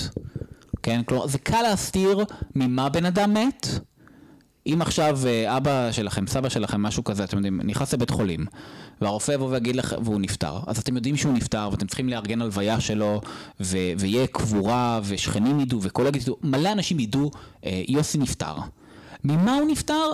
בתכלס, רובנו, אם הרופא יגיד לנו, תגיד, תשמעו, הוא מת מאלף, אנחנו נגיד, אוקיי.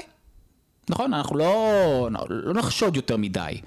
אז, אז, אז, אז, אז בטאג'יקיסטן באמת, למשל, אז הרבה אנשים באו ואמרו, אתם יודעים, אבא שלי מת, סבא שלי מת, אבא שלי מת, אבל אמרו לי, אין קורונה.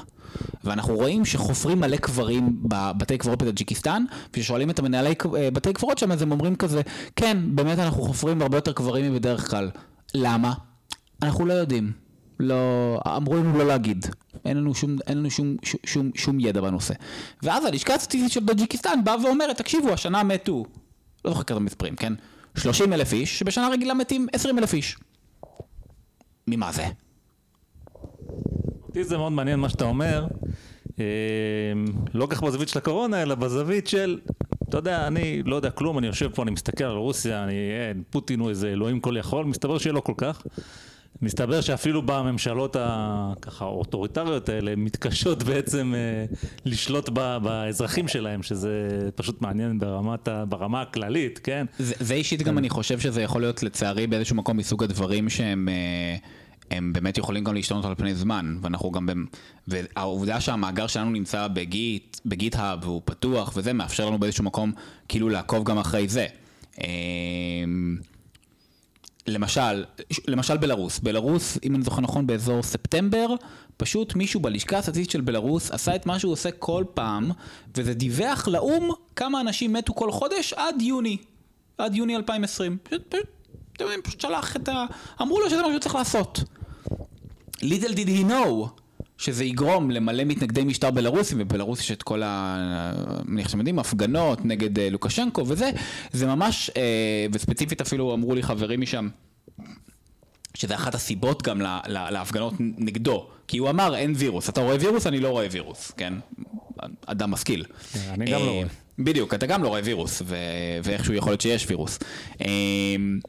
אז, אז, אז, אז, וזה יחסית, וזה יחסית אה, הפך לניוז אייטם. כלומר, אני די בטוח שהמשטר הבלרוסי עכשיו יודע ששמים עין לא רק על הנתוני תמותה מקורונה, שאותם הוא בוודאות מזייף, באמת אין לזה, אין, אין, אין, ש, אין לזה שום הסבר.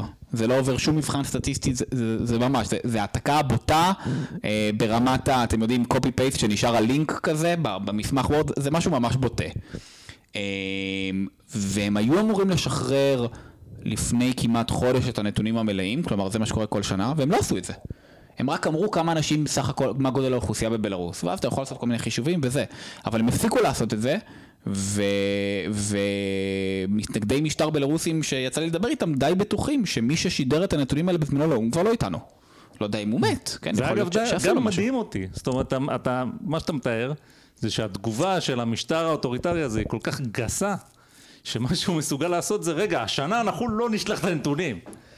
כן, אבל... למרות שכל מה שהוא היה צריך לעשות זה לשלוח נתונים שהוא רצה לשלוח. זה די מדהים, זאת אומרת, אתה בתור דיקטטור, אם אני דיקטטור, אני כאילו באמת, אני מוקף פה באנשים שלא מסוגלים אפילו לזייף נתון פשוט, ואני צריך להוריד להם פקודה, חבר'ה, השנה לא לשלוח אימייל. אמרו... אמרו... אני לא סומך עליכם שאתם תשקרו את השקרים שאני אומר לכם שקר. אתה יכול גם באמת לראות שנגיד הנתוני תמותה מקורונה של בלרוס, כאמור הם לחלוטין פייק, בחיים לא עברו את העשר, אין אף מדינה בעולם שזה נראה ככה, כן, זה באמת, זה... זה כמו שמרגישים לך באוניברסיטה עבודה שהיא מועתקת.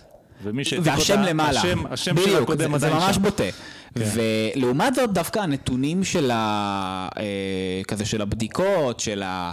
אה, של החיובים, כל הדברים האלה, הם... הם כנראה מזויפים במובן שכנראה שיש שם באמת כזה איזושהי ספירת חסר, אבל יש בה היגיון, כלומר זה מישהו שבא, לוקח את הנתון האמיתי ואומר, hmm, היום מצאו אלף מאומתים, נגיד שזה 700. כאילו הכניס את זה באמת איזשהו פקטור, כי אתה באמת רואה שזה נראה מאוד דומה למדינות שכנות, שבהם אין לנו שום בעיה עם הנתונים. אבל אז, אז כמו, שוב, כמו שאיזה מישהו אמר לי, תקשיב, כן, מי ששולח, מי שמזייף שם את הנתוני תמותה לא יודע לזייף נתונים, ומי שמזייף את הנתוני, אה, את הנתוני בדיקות, כן יודע, כן יודע לזייף נתונים, וזה הסיפור. בוא נעבור מה... אה, בוא נעבור מהנתונים למודל.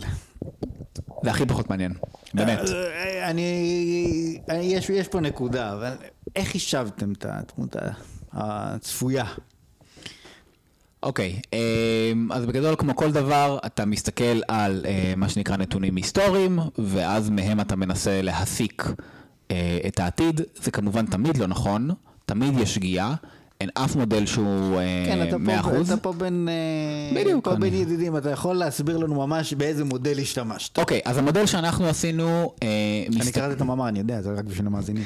המודל שאנחנו עשינו הוא לוקח את ה... אז שוב, ל...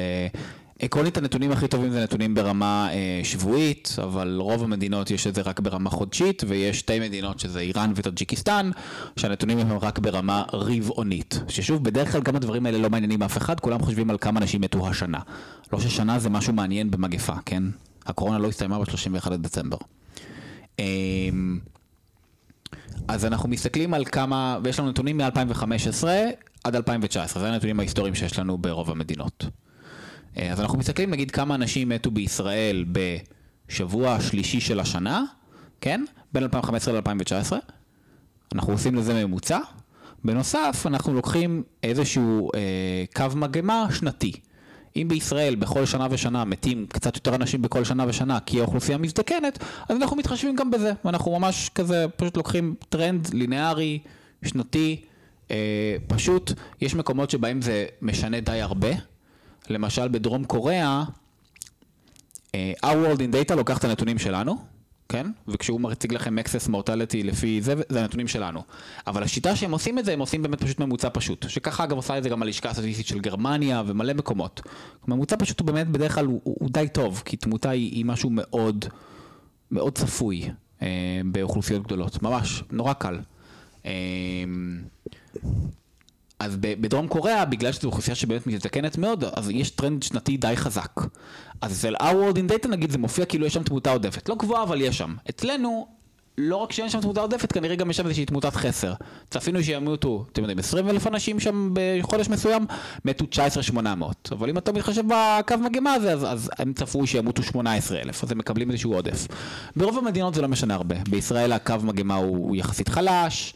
אה, בארצות הברית הוא יחסית חלש, בבריטניה הוא לא קיים בכלל, כן? אז אם אתה מכניס אותו למודל, אז הוא פשוט, אתם יודעים, הוא יוצא כזה לא מובהק ו- ומוסיף עוד שלושה אנשים שימותו בכל שבוע, זה לא משנה כלום.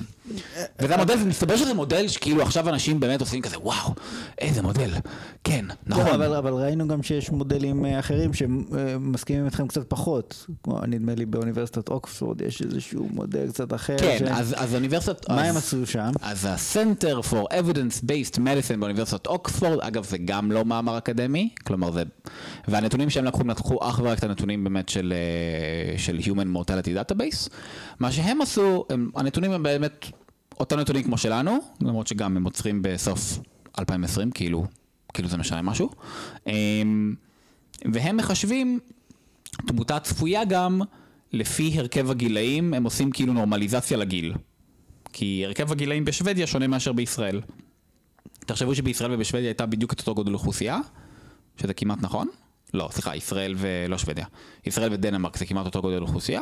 עדיין בדנמרק בשבוע רגיל, חודש רגיל, מתים בערך פי אחד וחצי, פי שניים אנשים. למה? כי הם פשוט הרבה יותר זקנים. זו מדינה הרבה יותר זקנה. אמ, אז הם מתחשבים בהרכב הגילאים באוכלוסייה. מה שהם לא עושים, אגב, הם לא מתחשבים בטרנד, כן? כלומר, אצלם, שוודיה בשנים האחרונות, כי הבריאות שם נהיית, הולכת ונהיית יותר טובה, הטרנד הוא דווקא שלילי, כלומר, פחות אנשים מתים כל שנה. לא, אולי זה בגלל המהגרים שהם יותר צעירים. לא, אני מדבר על זה גם כשאתה עושה את הסטנדרטיזציה לגיל, אז זה לא משנה. אוקיי. אה, אבל כן, זאת גם הייתה איזושהי השערה שלי, אה, באופן כללי, הרבה אנשים חושבים שגודל האוכלוסייה זה מה שמשנה לתמותה, וזה פשוט לא נכון. מה שמשנה זה הזדקנות שלה. אם עכשיו שני מיליון אה, תינוקות נולדים בישראל, השיעור מתים באוכלוסייה, כן, הוא אפילו יקטן, הוא לא יגדל. מי שמת בדרך כלל זה באמת אנשים מבוגרים, וזה נכון תמיד. אה, אז הם עושים איזושהי התחשבות אחרת בגיל, לדעתי התחשבות לא נכונה, מהרבה סיבות. אה, מה שקורה אגב אצלם, זה נכון שהם, אני מוצא נגיד, אם אני זוכר נכון, עלייה של בערך 11% בתמותה בשוודיה. יושבת פיקס אגב על התמותה מקורונה, אז גם אני לא מוצא עדויות ל, לדברים, נקרא לזה לא יודע, של הצד שלי, שבא ואומר, כן, בשוודיה הם, הם מסתירים קורונה, כן? כלומר, שם הם גם, בגלל שהם לא רוצים לצאת אה, לא בסדר עם זה שהם הלכו על אה, מדיניות של חסינות תדר, אז הם מסתירים. יש שם אלפי מתי קורונה שאף אחד לא מדווח עליהם. התמותה העודפת לא, לא מראה את זה בכלל, היא יושבת על זה בדיוק, כן? היחס שם הוא 1, או אתם יודעים, 0.9. אה, מה רציתי להגיד? אה, אז איך שהם מתחשבים בהרכב הגילאים, הוא, הם עושים את זה התאמה להרכב הגילאים של האיחוד האירופי בשנת 2013. וואה. עכשיו, א' זה ישן, ב', שוודיה היא ברגיל מדינה עם אה, תוחלת חיים גבוהה יותר. מה שקורה שם זה פשוט, אתם יכולים לחשוב על זה כ... כיוון שהם אה, עושים את אותו מודל בדיוק לכל המדינות שיש להם, כמו שאנחנו עושים את אותו מודל בדיוק לכל המדינות שיש לנו, כדי שיהיה אחידות ולא להגיד לא, בישראל נעשה את זה פי 20 וככה ככה, אז כל מה שקורה זה שפשוט כל הסקאלה שלהם אה, אה, היא, היא נמוכה יותר, אבל היא, הדירוג נשאר מאוד דומה. אז אם אני למשל מוצא שבדנמרק ובפינלנד אין תמותה עודפת בכלל, אה, כאילו משהו כמו אפס, אבל 9% שוודיה, אז הם יוצאים ששוודיה זה 3%, אבל דנמרק ופינלנד זה מינוס 4%. כן? כלומר, עדיין כל הדירוג נשאר מאוד מאוד דומה בינינו. עכשיו אפשר, אפשר להתחיל לעשות, לעשות איזשהו debate כזה לגבי מהו המודל הנכון, והתשובה הנכונה היא שאין מודל נכון, כן? ושהתשובה הנכונה היא גם שברוב המדינות ה... שבהם התמותה העודפת היא ממש משמעותית, כמו שאמר לי אה, חוקר ישראלי שגר בפרו ולא מזמן חזר לארץ, זה פשוט לא מעניין, כן? כלומר העלייה בתמותה זה כמה עשרות או מאות אחוזים שכל הנושא הזה של כזה, כן, אבל מה אם תתחשב בהרכב הגילאים, זה פשוט לא נכון, כי, כי גם מה, הרכב הגילאים פתאום קפץ בין השבוע הראשון של מרץ לשבוע השני של מרץ? אה, אה, מה קרה שם? כי פשוט לא נכון. אוקיי, אוקיי. אני- אני- יש פה שני דברים שונים. כשאתה מדבר על... אה, למה, למה דווקא ספציפית, אה, אני, הרי שנינו יודעים מי אה, הזכיר לך את המודל של אוקספורד בטוויטר ומי תקף אותך. אני לא יודע מי זה אגב, אין לי שום מושג מי זה. אה, לא משנה. לא באמת, אני- אני אני לא יודע מי האנשים האלה. אני יודע ש- אני יודע מי תקפו אותי, כאילו את הניקים שלהם, אין לי מושג ג'רדי מי פה הם. תמיד מסתובב ואומר לאנשים, הרי שנינו יודעים ש... כן. לא משנה. אז- ואני אז- מכיר את המחקר הזה גם מלפני אגב. לא משנה, אבל, העניין הוא כזה. אבל אני מחזיר אותך לתחילת הפודקאסט שלנו, שזו איזושהי נקודה שרציתי לדבר עליה. הנתונים הם נתונים. זאת אומרת, הנתונים אה, צריכים להיות מדויקים וגם יש לך דרך לעשות עליהם QA, בין אם אתה הסתכלת בין שנה לשנה, בין אם תעבור לרשימת השמות, זה משהו ש, שהוא מאוד אה, נוכח, נקרא לזה. לעומת זאת המודל, אתה יכול לעשות איתו מה שאתה רוצה, כדי בעצם לטעון מה שאתה רוצה. זאת אומרת, אתה יכול לקחת את הנתונים שלך ולהגיד, אוקיי, אה, אנחנו רוצים לדעת מה התמותה העודפת. אז אני יכול לעשות מודל שבו התמותה העודפת תהיה יותר, התמותה הצפויה תהיה יותר גבוהה. ועל ידי כן, על ידי כן להוריד את התמותה העודפת שלי. ו... זאת אומרת, כאן אתה מכניס אג'נדה, אז כשאתה עושה מודל ומתחיל להגיד, אוקיי, אני אכניס, אני אתחשב בגיל, אני אתחשב פה, אני אתחשב שם, אתה בעצם עושה כל מיני משחקים כדי... אה, זאת אומרת, א- אין לך שום דרך להגיד מהו ה...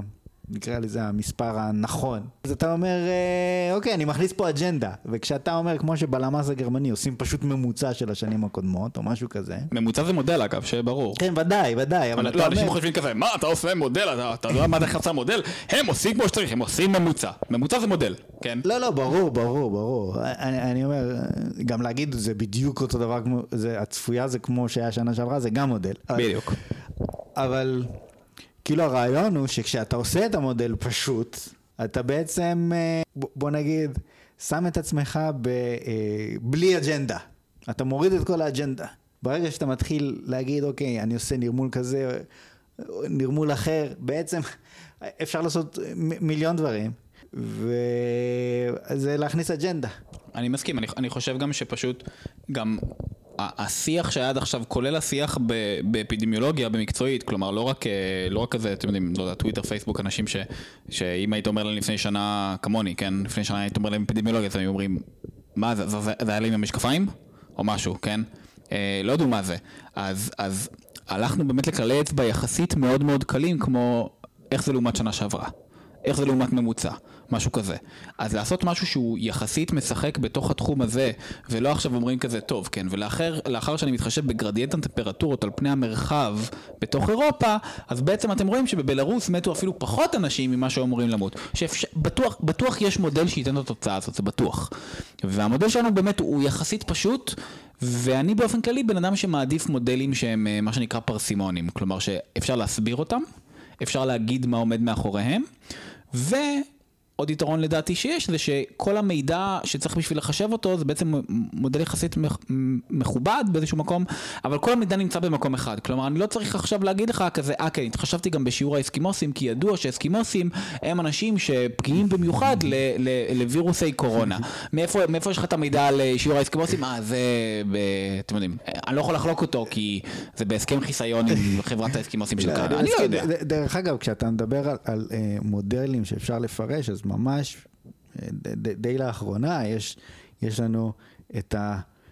אה, אה, explainable boosting machines שהוציאו אה, במייקרוסופט וגם ג'ף הינטון הוציא מאמר על Neural Networks שהם uh, explainable, זה, זה לא בדיוק זה, זה מערך של uh, Neural Networks, אבל באמת יש בעיה מאוד גדולה במודלים האלה שהם non parametrics ואפשר לתת להם, אה, וקשה מאוד להבין את הפירוש שלהם, ובאמת יש אה, מאמץ ללכת לכיוון ה, אה, של המודלים שאפשר לפרש, גם אם הם פחות טובים. אפילו אם הם פחות טובים. ובתור מישהו שנמצא חצי, לא יודע, נקרא לזה נגיד בעולם של מחקר כלכלי אקדמי וסטטיסטי וחצי בעולם של טיפה, אני כן, I dabble in the dark arts of machine learning וזה, אז, אז, אז זה לפעמים נורא מצחיק לראות כזה שהחבר'ה בקהילת machine learning כזה, לא, אתם יודעים, explainability זה נורא חשוב, אני כזה, בכלכלה, במחקר כלכלי, explainability זה כל מה שחשוב. לא אכפת לנו אם ה... MSE שלנו הוא כזה או כזה או ארבע ריבו כזה כזה, זה לא משנה. מה שמשנה זה הבטא הזאת. מה היא אומרת? מה הפרשנות שלה, כן? ואם זה בנקודות לוג, ואם זה ככה, זה, זה, זה כאילו מה, ש, מה שמשנה. ואתה רואה באמת גם בהרבה יישומים ב machine learning וכדומה, אתה באמת רואה הרבה פעמים שזה, כמו שאמרת, אתה יודע, תעשה איזה רגר... תעשה ממוצע, תעשה רגרסיה לינארית, תקבל ביצועים 99%, אה, שיפרת את זה בעוד 4 נקודות, 4, 4 עשיריות נקודות האחוז, אבל אף אחד לא יודע מה הולך שם. אף אחד לא יודע מה הולך שם, אף אחד לא יודע מה נכנס, אף אחד לא יודע מה יוצא, אף אחד לא יודע איך. עכשיו, יש כנראה יישומים שבהם כאילו זה, זה, זה חשוב וזה מעניין ויש לזה גם פרמיה טובה מבחינה כלכלית, אבל כשאתה בא להסביר משהו למישהו, אם אני עכשיו הייתי צריך לשבת עם ביבי ובמשך שעה להסביר לו כזה את, ה, את ההנחות שמאחורי המודל, במקום להגיד לו כזה, כן, זה ממוצע, וגם אתה יודע, משנה לשנה מתים קצת יותר אנשים בארץ, אז אנחנו מתחשבים גם בזה, זהו, סיימתי להסביר את זה. וזה כנראה גם נכון יותר, כי אנחנו רואים איך ב-2019, כמות האנשים שמתה מוסברת ממש טוב על ידי כזה ממוצע חמש השנים הקודמות, פלוס איזשהו טרנד. כאילו, זה, זה, זה אחלה מודל, באמת. תראה, כשאנחנו עושים... אה, כשאני עושה, כשיש את Google Vision API נגיד, שאני שולח לו תמונה והוא אומר לי מה יש בתמונה. אה, אה, הוא, עושה לי, הוא נותן לי תוצאות טובות, לא אכפת לי איך הוא הגיע לזה. כשהמודל יהיה לא explainable, זה לא משנה.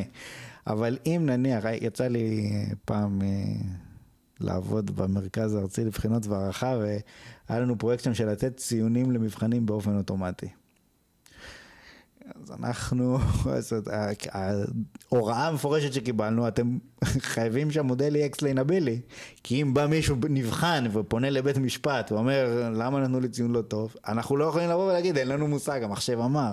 זה חייב להיות משהו, אנחנו יכולים להגיד, לשים את האצבע בדיוק, אוקיי, זה הוריד לך שתי נקודות. זאת אומרת, זה, זה, זה מאוד מאוד חשוב, ובעניין הזה שאתה מדבר על קבלת החלטות, אז uh, ודאי וודאי, שמדבר על, uh, כן, דיני נפשות. אה, אני, רק כדי לסבר את האוזן לטובת המאזינים, אתם פה שני מומחים לאנליזה של נתונים, ואני יודע פטיש גדול, פטיש קטן. אז אני רק אגיד מה, מה בערך הבנתי. בעצם מה שאתם מתארים, אני חושב על קפטן פיקארד. והוא מדבר עם המחשב, ואז המחשב אומר לו, אה, באמת נדמה לי שככה זה, לא, זוכר, לא ראיתי את קפטן פיקארד כבר הרבה שנים, אבל אם אני זוכר נכון, לא, לא, אנחנו לא יכולים לנסוע בין שני הכוכבים האלה, כי יש שם, כי יש שם, אה, לא יודע מה, גז, מימן מסוכן, ואסור לנו להיות שם. ו... וזה העניין של ההסבר. זאת אומרת, היה יכול להיות קפטן פיקארד איזה, שהוא היה אומר לו, אנחנו לא יכולים להיות שם. אז קפטן פיקארד אומר לו, למה? מה זה למה? אני המחשב של הספינה, ותקשיב למה שאני אומר. אבל מסתבר שהשאלה למה היא כן חשובה.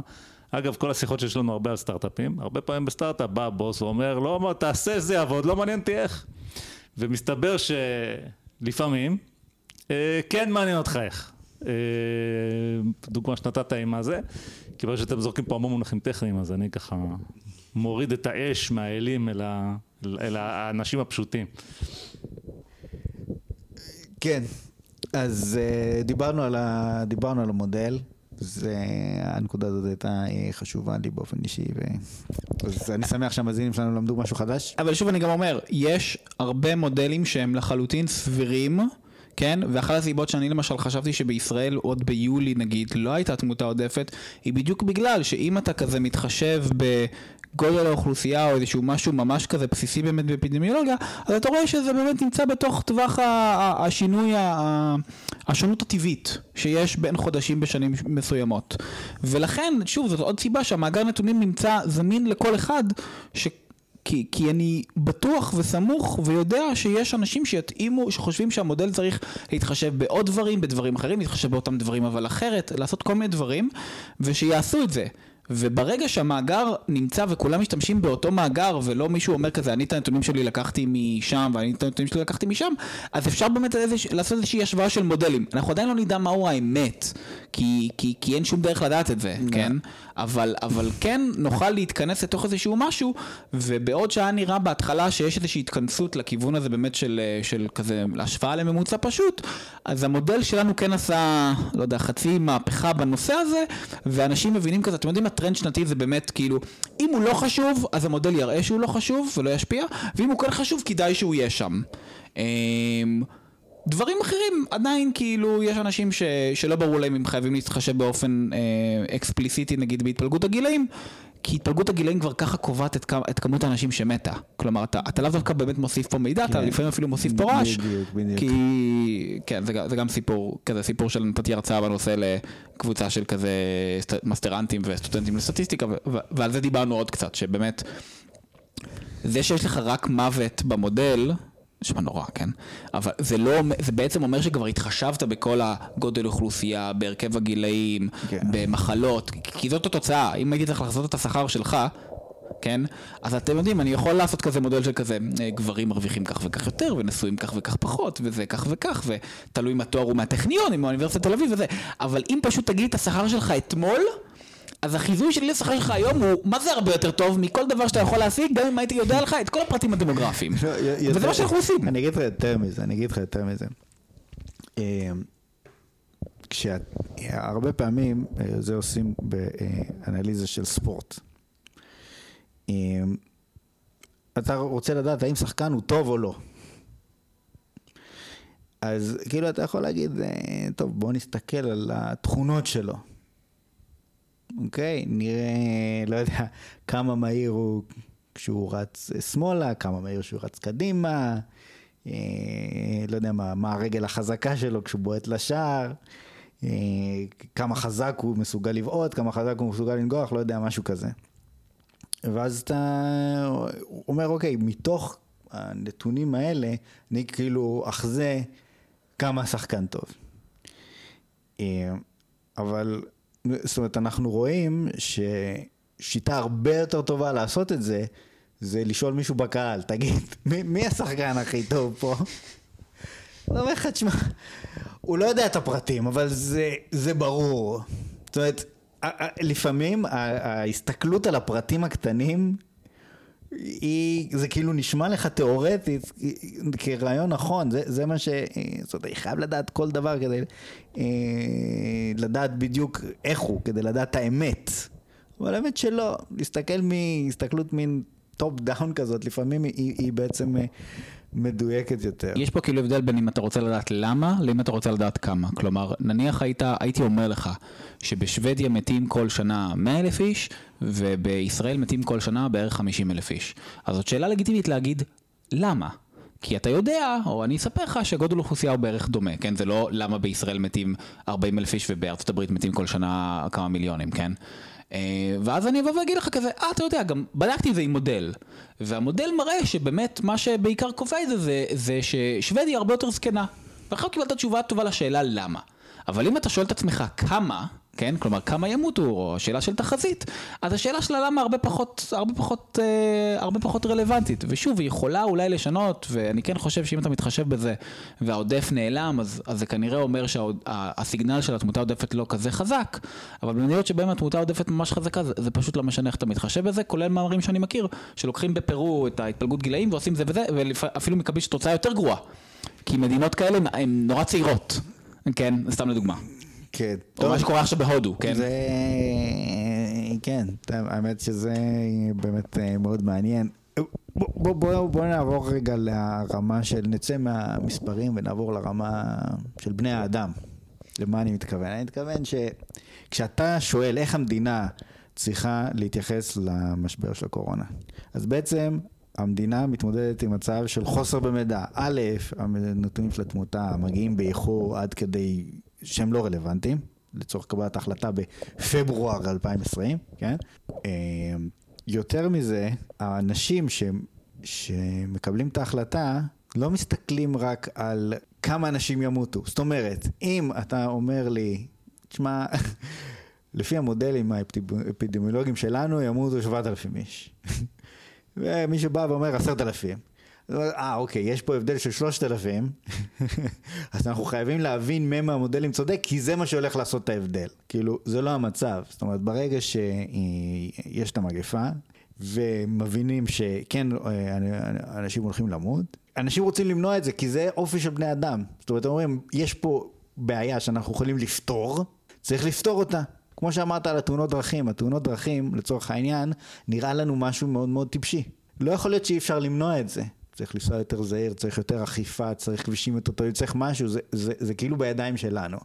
ובאיזשהו מקום שאתה בא ואתה אומר, אה, התקפי לב, זה אנשים אומרים, טוב, לא יודע, התקפי לב, כאילו, מה אתה, למרות שגם זה לא ממש, כאילו, אבל בגדול היום, אף אחד לא כל כך יודע מה לעשות עם זה. כמובן שעולם הרפואה, כן, כל הזמן מנסה uh, to defy death, כן, לנצח, אבל יש דברים שכאילו אנחנו מקבלים ויש דברים שלא. וכשאומרים לך, אוקיי, יש פה איזשהו וירוס שבא והולך אה, להרוג כל מיני אנשים, אני אישית, מהסביבה שאני הסתובבתי בה, קיבלתי שיש אפילו רצון להיות בסגר, לפחות בהתחלה, בפברואר-מרץ, שאנשים אמרו בוא נעשה חודשיים, נסגור את המדינה, נגמור עם זה, ו... אה, נחזור לאט לאט אם אפשר, לא יודע מה, עוד חודשיים נראה, אבל בהתחלה כאילו היה מין אה, רצון כזה להיות בסגר. ובסגר השלישי שהיה... לא היה שום רצון. לא היה שום רצון, זאת אומרת, כן. אני הסתובבתי ברחוב ואמרתי, זאת אומרת, אין פה שום סגר, אנשים התפלאו למה המספרים לא יורדים, אני לא, אני לא מומחה גדול, אני יודע שסגר לא היה, אנשים הסתובבו חופשי. עכשיו, זאת אומרת, זה מאוד מאוד מאוד אנושי. זאת אומרת, זה לא שבא ביבי ואומר, אוקיי, יש לי פה נתונים, אני מקבל החלטה, ההחלטה שאני אחליט זה מה שיקרה. יש פה המון עניינים אה, אה, של רגש, בוא נקרא לזה ככה. ולא יודע מה, מין... אה, ברגע שהתרגלת לבייסליין מסוים של אנשים שמתים בשבוע, בחודש, שנה אחרי זה, כן, יש לזה מספר, אתה אומר, זה אוקיי. זה נכון למגפות וזה נכון למלחמות, כולם, כל ההיסטוריונים אוהבים לספר איך מלחמת העולם הראשונה התחילה במלא מלא שירים פטריוטיים של כל הצדדים, ויאללה בואו נכסח את הגרמנים ובואו נכסח את הצרפתים ובואו נעשה את זה, בואו נעשה את זה, וכשהיא הסתיימה אז, אז כאילו, זה פשוט אה, חלק מהסיבה ש, שהיא הסתיימה זה כי בהרבה מאוד חזיתות, חיילים פשוט, אה, המפקדים שלהם אמרו להם, טוב יאללה, אה, לכו תתקפו את החפירות לצד השני ואמרו לא. אני, כאילו, בשביל מה? עזוב אותך. אז אותו דבר כאן, היה, היה, היה באמת איזשהו... אה, אני יחס... אני לא אוהב לדבר, אני סטטיסטיקאי, אני חייב לדבר בהכללות. אני לא חושב שכולם, ממש לא כולם, כן? גם בניו זילנד, בניו זילנד, כן? יש לפעמים הפגנות, אנחנו לא כבשים. אגב, אם יש משהו שבניו זילנד בטוח יש מלא זה כבשים. אבל הם אמרו כזה, אני לא מבין למה עושים סגר על זה שמצאו שבעה מאומתים באוקלנד. אנחנו לא כבשים של אף אחד. אז גם בארץ היה אנשים כאלה מהדקה הראשונה, כן? זה בטוח. היה הרבה יותר good uh, will בהתחלה. אני יכול להתחיל לתת פה כזה, אתם יודעים, איזשהו שפיל כזה, ש, ש, שהוא תמיד היה נכון ל, ללפני כמה חודשים. כן? אף אחד פה לא סומך על ביבי כעם מפולג ועם זה. לעומת זאת, בגרמניה, מרקל הראתה כך וכך. מה שכמעט יפה במגפה זה שאנחנו ראינו באמת איך כמעט כל המדינות בעולם פשוט כשלו בצורה יוצאת דופן. איך כל המדינות בעולם מסתבר אה, אה, שסועות, אה, גם מבלי שאתה יכול לחלק אותה לכזה יהודים לא חרדים, יהודים חרדים וערבים. איך, אה, איך מנהיגים לא ידעו לתקשר נתונים, איך גם אנשי מקצוע לא ידעו מה הם עושים וטעו ביתר או בחסר, אמ, כולל אני, לא שאף אחד הקשיב לי, אבל שוב, אני, אני ממש חשבתי שזה, אוקיי, תקשיבו, בסדר. אה, זה באמת מעין שפעת כזאת, ועל זה לא סוגרים את המדינה, אתם יודעים, כבר סגרתם את המדינה, זהו, זה נגמר, בואו תפתחו חזרה, אני לא מבין למה במאי לא, לא פתחו, כאילו, או שבמאי כבר פתחו, אני כבר לא זוכר. אני הייתי נורא בקטע של כזה, תקשיבו, אתם משאירים את האנשים האלה בבית כל הזמן הזה, יכול להיות שבזמן הזה גם יש באמת אה, תמותה עודפת כי, כי, כי מתאבדים וכי אין אוכל וכי המצב על הפנים, זה לא שווה את זה. ואני ממש טעיתי, אני ממש ממש ממש ממש ממש ממש טעיתי, ויש כמעט קונצנזוס עכשיו לדעתי שבאמת האסטרטגיה המנצחת הייתה uh, to buckle down באמת, כן, סגר נקרא לזה נגיד אמיתי, יותר טוב היה לא לייבא את הקורונה, כן? מגבלת יבוא כזאת. סגר באמת סופי שתיים. ב- לא, לא, אבל אני אומר, זה, זה, זה כמעט, באמת, ב- בדיעבד הכל נורא ברור, כן? אבל באמת בדיעבד, ישראל הייתה, מה זה קרובה ללהיות ניו זילנד. מה זה קרובה? באמת. כל כך קרובה, כל כך קרובה, באמת, זה, זה, זה, גורם לי כמעט לבכות. היינו במרחק, באמת, בעצם חיסלנו פה את הקורונה. לא הייתה קורונה אחרי הסגר הראשון, וזה לא סתם שלא הייתה תמותה עודפת בגל הראשון, שבדיעבד הוא שלולית. כן, אנחנו, מה, אנחנו, אנחנו על יותר, על שש וחצי אלף נפטרים, בגל הראשון מתו 300?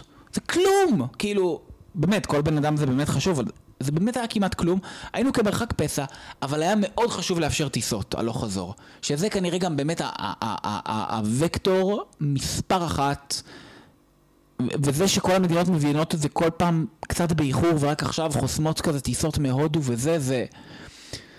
זה נורא מדכא, כי זה רק באמת גורם לזה שהבעיה היא תהיה, היא, היא, היא קשה יותר אחר כך.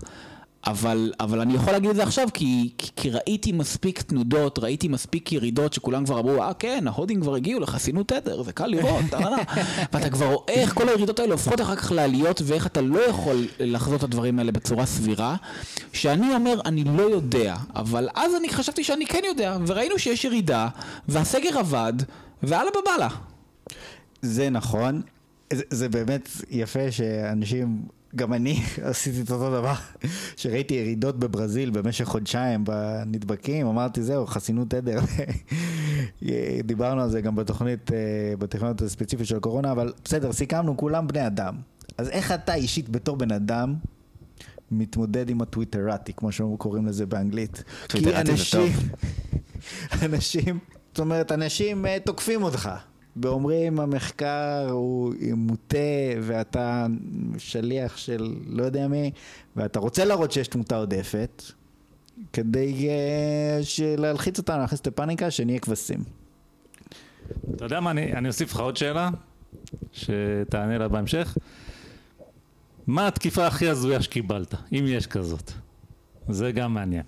כי עצם הרעיון שאני יושב פה מול uh, בחור נחמד, סטודנט לתואר שני, באיזה אוניברסיטה אתה? העברית. באוניברסיטה העברית, ואני שואל אותו, איך אתה מתמודד עם התקיפות, אה, עם העליהום הלאומי שיש עליך בטוויטר פה ושם, זה סיטואציה קצת הזויה בעיניי, כן, כשאתה כלכלן וסטטיסטיקאי ולא אה, אה, כוכב אה, פופ או משהו כזה, איך אתה חי עם הטוויטר? וואי, זה נראה לי, זה, זה נשמע כמו שיחה מ-2014. למה נכנסת לטוויטר? איך זה להיות בטוויטר? זה, טוויטר זה כבר של זקנים. אמ, אז האמת היא שהסיבה שבכלל נכנסתי לטוויטר, וזה קרה רק באמת באמצע 2020, היה בגלל שה... Human Mortality Database ועוד כזה כמה גופים שמדי פעם כאילו היה להם כזה זה חצי מדינה פה חצי מדינה שם, הם עדכנו אך ורק בטוויטר. ו... וחברים שלי היו שולחים לי כזה, אה, אתה יודע, הם עדכנו, ותמיד זה היה מגיע אליי כאילו מאוחר. אני נשבעתי שאני לעולם לא אהיה בטוויטר, כי זה באמת מרגיש לי כמו פורמט כזה נכה לדיונים, אפילו לא מאוד עמוקים, לדיונים סבירים. זה שאתה מגביל אותי למה זה, 250 תווים היום, זה באמת, וכל הנושא הזה נגיד של שרשורי טוויטר, שבפייסבוק זה כזה פוסט חצי בינוני, אבל פה זה כזה, שרשור טיפה ארוך, מתחילים. 20 הודעות אני שונא, אני שונא את הפורמט, באמת, אני ממש לא אוהב אותו.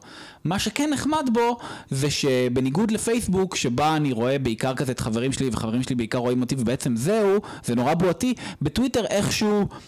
אה, מאוד בקלות מצאו אותי אנשים מחוץ לישראל, כולל ממדינות חצי עוינות, אה, איראן, טורקיה, אה, מקסיקו, פרו, לא שמקסיקו, פרו עוינות, אבל אני אומר, לאו דווקא ידועות בכזה אהבת ישראל או משהו בסגנון, ואני הצלחתי למצוא אותם, ו...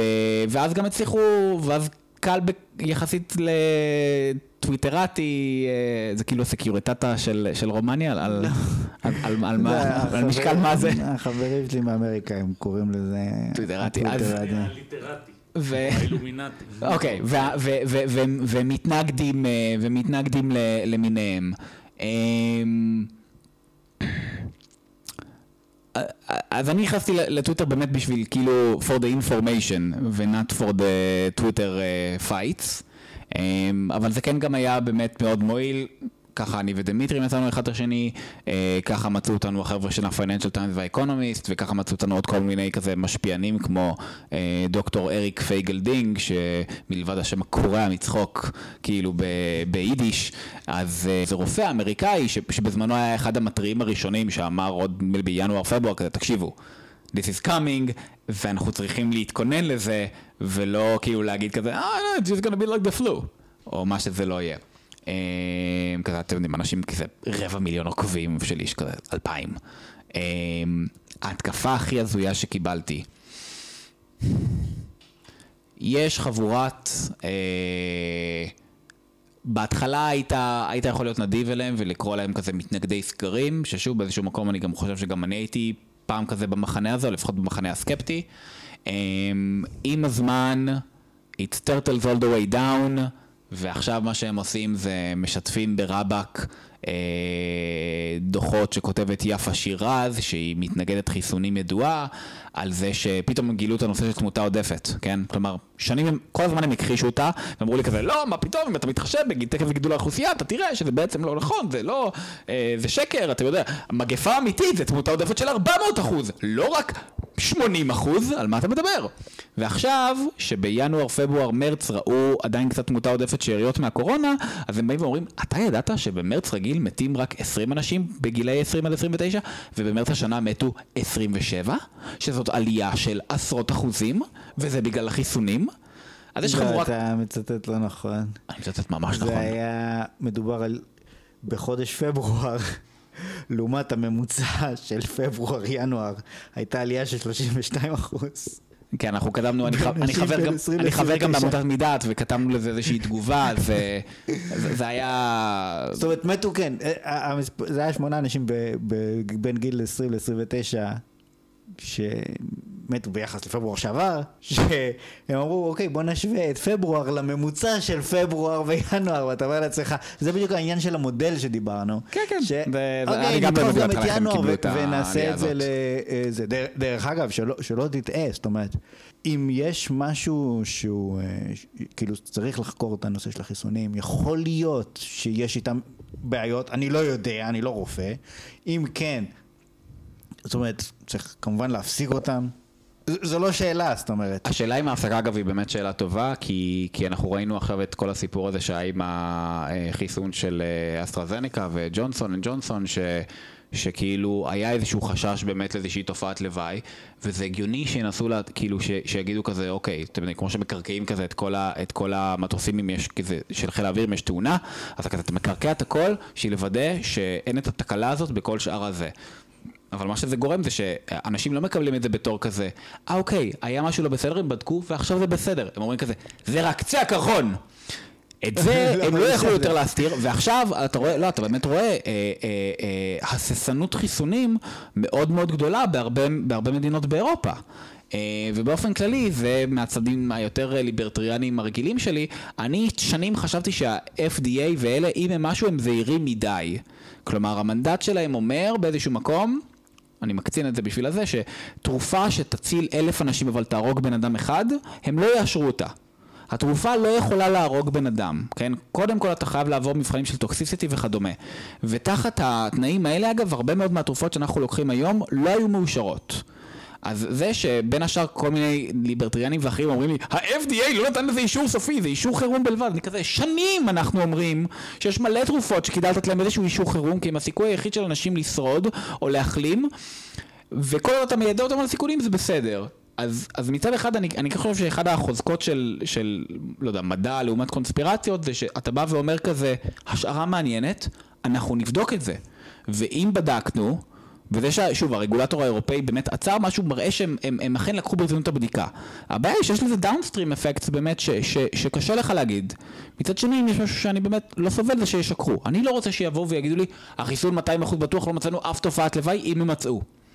כי זה, כי ברגע שבאמת בן אדם מגלה את זה, כל האמון שלו בהכל פשוט אי אפשר להחזיר את זה, זה כמו, לא, זה כמו בן זוג שבוגד בך. אתה, אתה, הוא, הוא יכול להבטיח שזה בחיים לא יקרה, אבל עצם זה שזה קרה זה עדות כזאת חזקה לזה שזה יכול לקרות שוב, שאין מה לסמוך עליו, ש...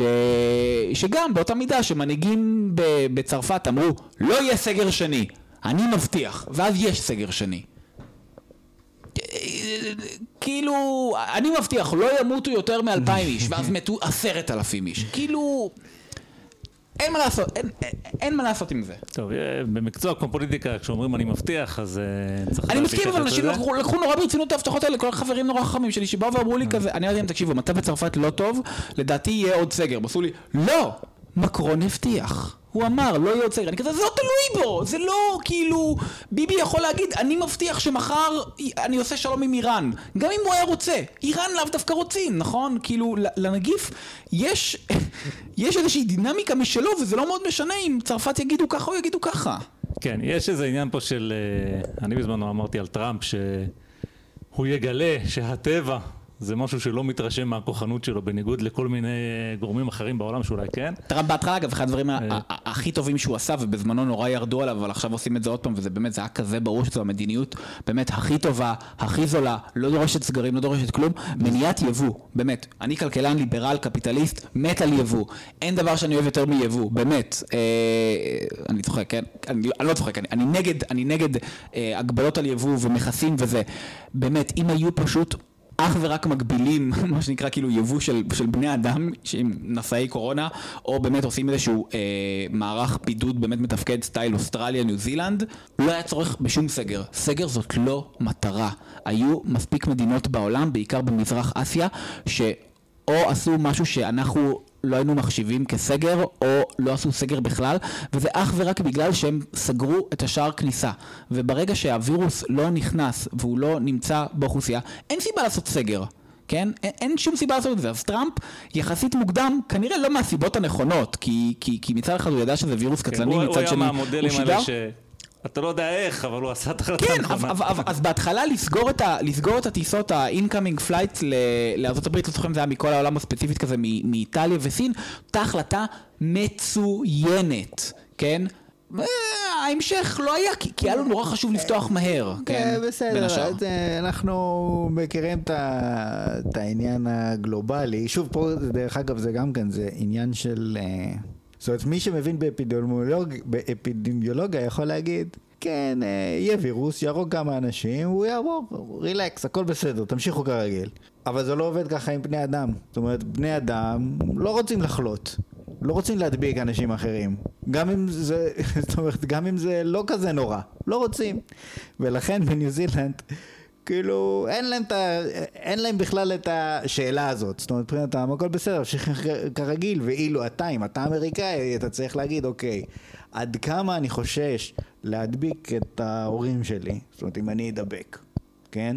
זה משנה את כל, ה, את כל ההתנהגות. לא, לא הבנתי, למה, למה, למה בניו זילנד אין את ההתלבטות? לא, אני, אני אומר, בניו זילנד, ברגע שלא הבאת את המחלה, בכלל, אז... יכול להיות שמבחינת כמות אנשים שחסכת, מבחינת מתים, חסכת נגיד 20 אלף איש. סתם אני זורק מספר, לא, לא, לא כל כך חשוב המספר. עכשיו, אתה עושה דיון בקהילה. שואל את האזרחים, תגידו, 20 אלף איש מתים, זה הרבה או מעט? אנשים יגידו, וואלה, זה מעט. לא צריך סגר. אחרים יגידו, זה הרבה. צריך סגר, נכון? אתה נכנס לדיון הזה, שמכניס את כל המערכת הפוליטית והכלכלית למין סחרחרת כזאת. שזה זה בעצמו פגיעה, פגיעה שלא משתלמת. וברגע שאתה סוגר ולא מכניס בכלל את הווירוס, אתה כבר מרוויח.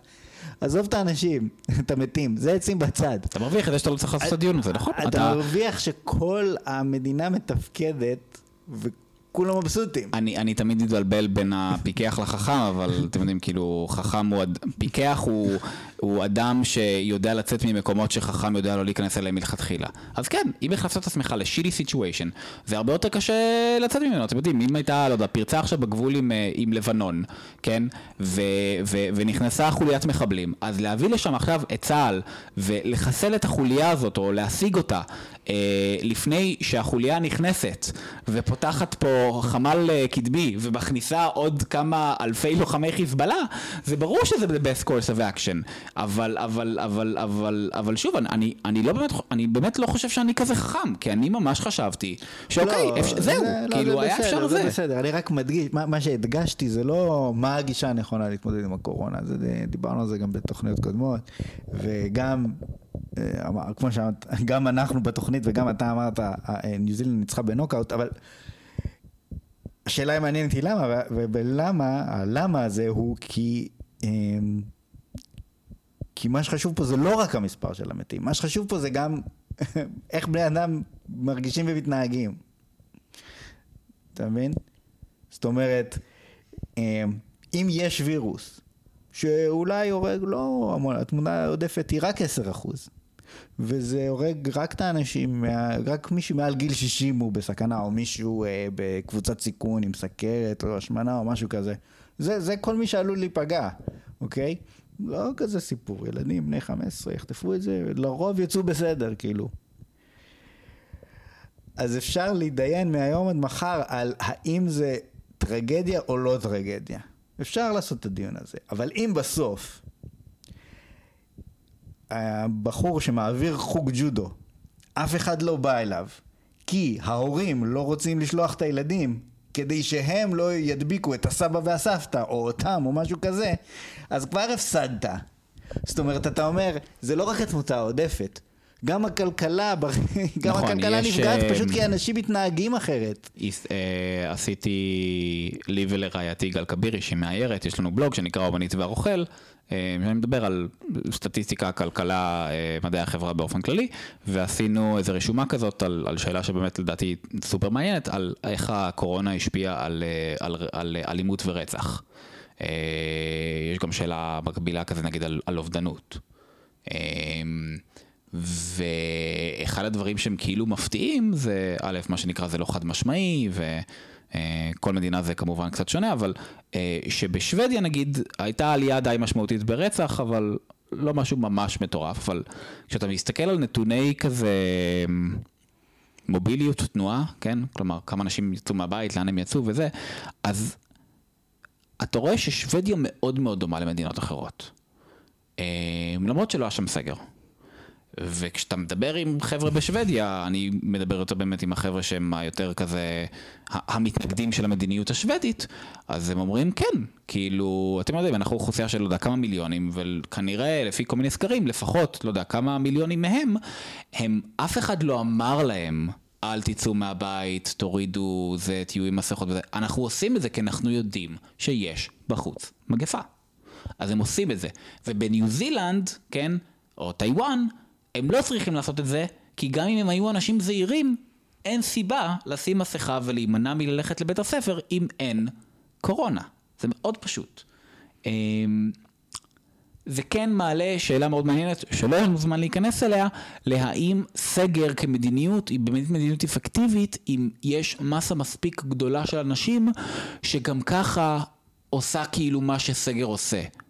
אמ, מצד שני זה גם מעלה את השאלה לגבי מה העלות של זה, כלומר יכול להיות שהעלות של סגר היא לא המסעדה הזאת שנסגרה, כי יכול להיות שהמסעדה הזאת כמו שאמרת לא היו אנשים, אנשים לא היו הולכים אליה כי הם גם ככה פוחדים, אבל זה גם משתנה פני זמן, כי, כי בסגר הראשון באמת גם אם אף אחד לא היה עוצר אותך היו מספיק אנשים שאמרו אני לא הולך למסעדות אני מפחד.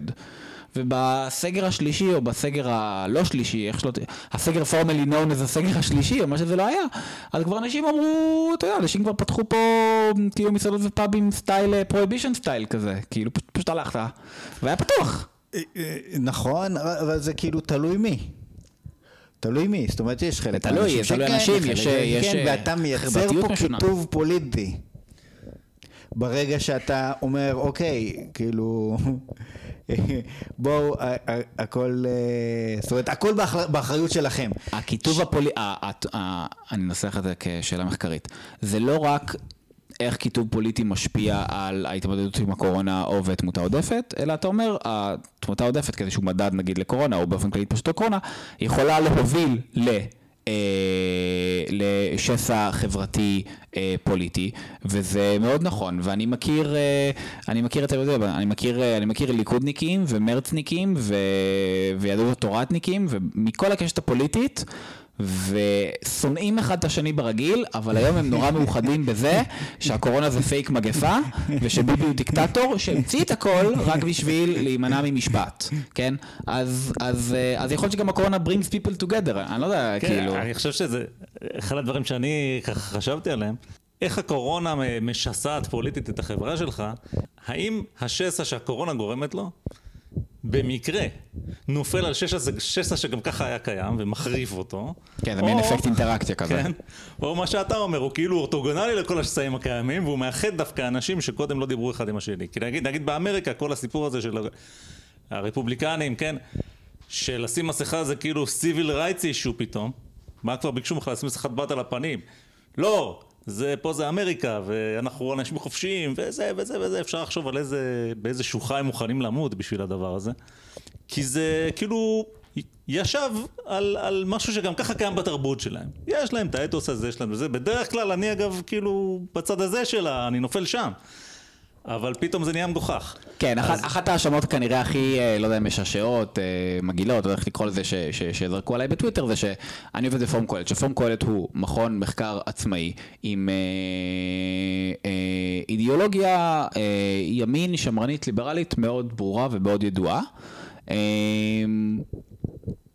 ואנשים באו, וכאילו, ואחת ההאשמות שזרקו עליי זה שברור שאתה תתמוך במדיניות הזאת, כי אתה אה, חבר במכון מחקר מתנחליסטי, אוונגליסטי, ק- קפיטליסטי, שפיטליסטי, ואני מסתכל על זה, ואני רואה גם שרוב המתנגדים הם, הם דווקא הכי כאילו ליברטריאנים כאלה, אז אני לא, אני... יש גם אה, כזה, לא יודע, נקרא לזה שסעים שזה לא יושב עליהם, ושוב אני יכול... מה שמדהים, שלאור מה שסיפרת קודם ומה שדיברנו על מה שקורה ברוסיה למשל, שאנשים, שאנחנו פה במדינה יחסית חופשית, כאילו אני אישית, החיים שלי די טובים. רוב הזמן אני עושה מה שבא לי פחות או יותר. לפי מה שדיברנו קודם, אנשים ברוסיה שיש להם סופר מוטיבציה לעוות את העמדה שהם מציגים כלפי העולם בגלל פחד מהמשטר, כן? גם לא עושים את זה. אז זה רק מגחיך עוד יותר את כל ההאשמות הכאילו של המוטיבציה הפוליטית של כל אחד ברחוב פה נהיה כאילו איזה חבר אה, אה, עם נאמנות עד מוות למנהיג שלו ב- ב- בקבוצה הפוליטית שהוא נמצא. אה, שזה די מדהים. יש שאלה ש, שרציתי לשאול אותך, אה, אחת מהסיבות שאנחנו מאוד מעריכים את העבודה שעשית, זה אה, התשובה בתוך השאלה, העבודה שעשית. כי אנחנו יושבים פה ומבלבלים את המוח, ואנחנו הרבה פעמים מתלוננים, שמעת את התוכנית שלנו לקורונה וכן הלאה. זה כל כך קל לדבר, והיום יותר מתמיד בעולם שלנו עם הטוויטר והשוויטר, לדבר זה קל, לעבוד זה קשה, ו... ואתה עשית את העבודה. ועל זה מגיע לך כבוד, אבל יותר מזה, למה, למה בעצם הסיפור? לעבוד תמיד דורש איזושהי הקרבה, כן? אתה כלכלן, אם אתה עובד אתה לא עושה משהו אחר, כן? זה תמיד ככה, אבל אני חושב שבמקרה שלך אולי, אה, אה, אני שואל אותך, מה הקרבת בשביל זה? אמרת קודם, אם הייתי יודע כמה זה יהיה בלאגן, אולי לא הייתי עושה. אה, לא יודע, comment on it. אה, וואו, זאת שאלה טובה. אה, זה באמת נהיה... אז אני אתן לך את השאלה המשלימה, וקצת, כן, לא, מבלי לעורר אף תומך קונספירציה, אנחנו פה, אתה יודע, עושים לך כבוד, אנחנו שני מטומטמים, זה לא עוזר לך בכלום, אבל אולי מישהו יותר חשוב עושה לך כבוד, אולי גם יצא לך מזה משהו, כן? התפרסמת, האקונומיסט, שם אקונומיסט. אז זה, השתי השאלות. איזה קורבן כבר שילמת? אה, מדעת או שלא מדעת, ו... והאם זה אולי, לא יודע, ישנה את הקריירה שלך באיזשהו כיוון ש... שיוביל אותך למקומות יותר טובים, אין לי מושג. אז אני אתחיל מהשאלה השנייה, אני, אה, הארגון הבריאות העולמי והאו"ם הקימו ועדה אה, שהמטרה שלה, המנדט שלה, כנראה נכון עכשיו רק על 2020, זה לבוא ולהגיד כמה אנשים הקורונה אה, הרגה. ותוך שהם יודעים שבטח במדינות מאוד עניות, אין שום יכולת לנטר, כלומר אם בישראל אומרים לך שמישהו מת מקורונה הוא כנראה באמת מת מקורונה וזה באמת גם תמותה עודפת מאוד קרובה לאחד, אז, אז מקומות, גם מקומות שבאמת נקרא לדעתי אפילו מנסים, פרו, מקסיקו, פשוט אין להם מספיק בדיקות, כן? כל העניין שהיה פה עם המטושים בהתחלה, אז אצלם זה עדיין ככה. אין מספיק בדיקות, ואם אתה לא בדקת מישהו לקורונה אז, אז, אז הוא לא. אז זה שמקסיקו אומרת מתו 100 אלף אנשים מקורונה, גם הם, כלומר גם הממשל המקסיקני ש, ש, שרוצה כאילו לדעת מה קרה ומה קורה, וגם אה, ארגון הבריאות העולמי מבינים שזה לא המספר. אז הם עשו, אה, נקרא לזה, נדמה לי שזה נקרא TAG, TAG, Task Action Group, כזה קבוצה של מומחים שהמטרה שלה זה אה, להביא נתונים, שיטות וניתוח למה הייתה התמותה אה, מקורונה לפחות עד 2020. אני לא חבר בוועדה הזאת, אבל הם הזמינו אותי להרצות בפניהם. אה, שזה היה מאוד לא יודע אם נחמד, זה היה מאוד מעניין. זה ממש אנשים כזה מכל העולם. אני אישית חושב שזה כמו הרבה, יש להם מלא מלא מגבלות פוליטיות, יש להם נתונים אולי אפילו לפעמים יותר טובים משלי, כן? כי יש הרבה מדינות שמשדרות להם נתונים ישירות, אבל אסור להם להשתמש בהם, כי מגבלות פוליטיות כאלה ואחרות. אה, אני יודע שלאחרונה הם כזה קבעו פגישה לקבוע פגישה בשביל לקבוע את הפגישה שבה נקבע את הפגישה, ויכול להיות שבספטמבר הם יקבעו פגישה נוספת, זה בערך כאילו הסיפור. אז, אה, אז הקהילת... האם פתחת פרויקט שעוקב אחרי העדכונים של הנתון הזה של תאריך הפגישה? כדי לדעת מתי הפגישה, אז קהילת המחקר כולל גופים מאוד רשמיים, אה, משרד האסטרטגיה של נשיא צרפת וה-OECD משתמשים בנתונים שלי וזה מאוד, אה, נקרא לזה gratifying, כן? אז אני מקווה שזה מזיז משהו אצל... אצל כל מיני אנשים ש, שיבינו, שיבינו באמת מה המצב אה, לאשורו, כולל מהכיוון כאילו החיובי, שיפסיקו להגיד שממשלות אה, במערב, כאילו בעולם המפותח, אה, עושות פאניקה סתם, הם לא. אה, לגבי השאלה הראשונה, אם זה, מה, מה הקרבתי בשביל זה? אמ, פיזית זה לא קשה, כן? אני יושב בבית, במחשב, כן? ושולח מלא מיילים למלא מקומות, ומסתכל במלא אתרים, ועושה Google Translate, ומדי פעם גם הרבה, כיוון שיש לי יחסית כבר איזשהו פרופיל ציבורי, אז פונים אליי, כן? פונה אליי מישהו מטאג'יקיסטן ואומר לי, אתה יודע, מצאתי את הנתון הזה והזה, אה, אתה יכול גם לוודא אותו פה. היה בדיוק איזה כתבת תחקיר מאוד מעניין של איזה גוף תקשורת... אה, אה, נקרא לזה רוסי בלרוסי על, על התמותה במינסק, כן, הם הצליחו לקבל כזה ממישהו שעובד בתוך המרשם אוכלוסין של מינסק בבלרוס, והתמותה עודפת שם גם כן, היא, היא מאוד גבוהה. אה, אז מישהו קישר אותי לזה ומצאתי את זה, אז אני לא עובד קשה פיזית, ממש לא, לא... אה, אם הייתי עושה את העבודה הזאת לפני 100 שנה, אז באמת הייתי, הייתי הולך לבתי הקברות וסופר כאילו את הקברים ומסתכל, זה מה שבאמת עשו ב, כזה בחרטום בסודאן, ומצאו גם uh, תמותה עודפת מאוד משמעותית. אז זה לא קשה פיזית, זה כן קצת קשה נפשית כי, כי א', אני מאוד רגיל באמת לעבוד עם נתונים כזה, אוקיי, קיבלתי את הנתונים, זהו, עכשיו אני מתחיל לעבוד ולנתח אותם. ופה הנתונים כל הזמן זורמים. אז אתה כל הזמן כזה בחצי אוזן של, רגע, האם סרביה שחררה נתון חדש? האם רוסיה שחררה נתון חדש? האם ארה"ב עדכנה כבר את הנתונים של הקודמים? כי בארה"ב גם יש להם בעיה, חלק מהסטייטסות לא לגמרי דיווחו, אז הם עושים שם גם איזשהו מודל. זה סיפור מאוד גדול, ו, ועם כמה שעקרונית זה רק כזה כמה קליקים לבדוק האם אנשים אה, עדכנו, כי זה גם לא משהו שאפשר לעשות לו אוטומציה. אופציה, כי זה, אתם יודעים, כאילו כזה PDF שנמצא בתוך אתר, כאילו... בוא נגיד עד שתעשה את זה אוטומציה, ימותו עוד 100 אלף אלף אנשים, אולי כן, כדי ש... כן, לא, זה, זה, זה על גבול הבלתי אפשרי. יש חלק מהחלקים יש להם אוטומציה, כן, אבל איפה שאי אפשר, לדעתי, אז לא עשינו. אה, זה לוקח לי הרבה מאוד כזה תשומת לב.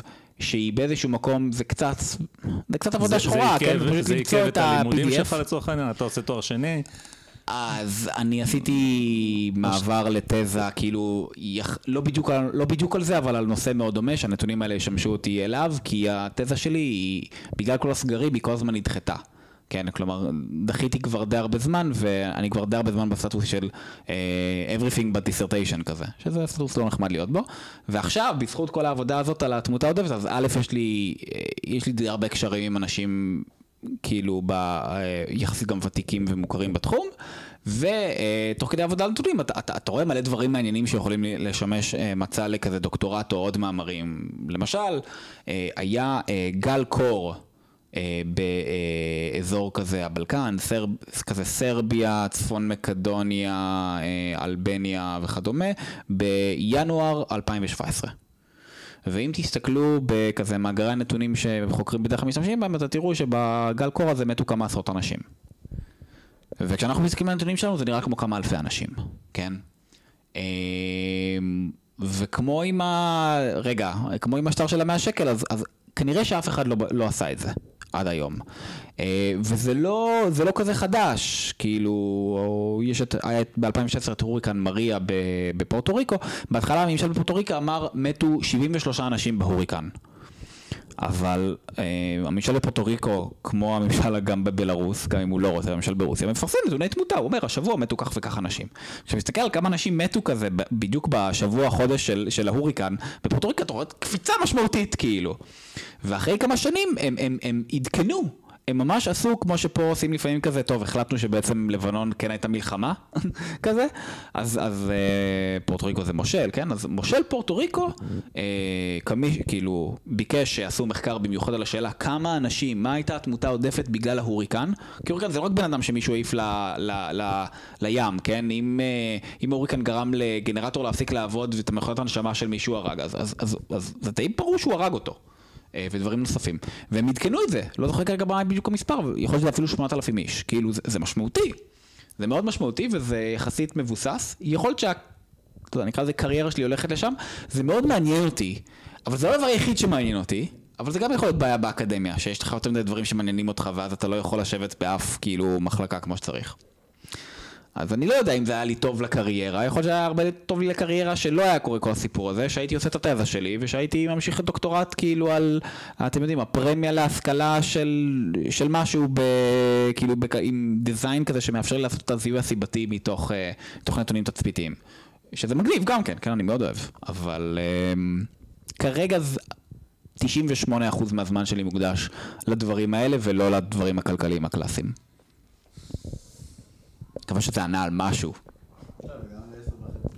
כן. טוב, אריאל קרלינסקי, תודה רבה שבאת, היה לנו, זה היה תענוג, באמת. תודה שאירחתם אותי. את החמש מילים שהבנתי, מאוד נהניתי מהם. והשאר גם היה נחמד, אני אוהב כזה שיש לי רעש רקע, תמיד עושה לי כיף. אה, כל הכבוד, וכרגיל, תעשו את הלייק, את ה share, את ה subscribe, את מה שצריך, ואם נהניתם, ספרו לחבריכם, ואם לא, תבינו רמזים ותשתקו את הפה שלכם, כמו שאומרים אצלנו.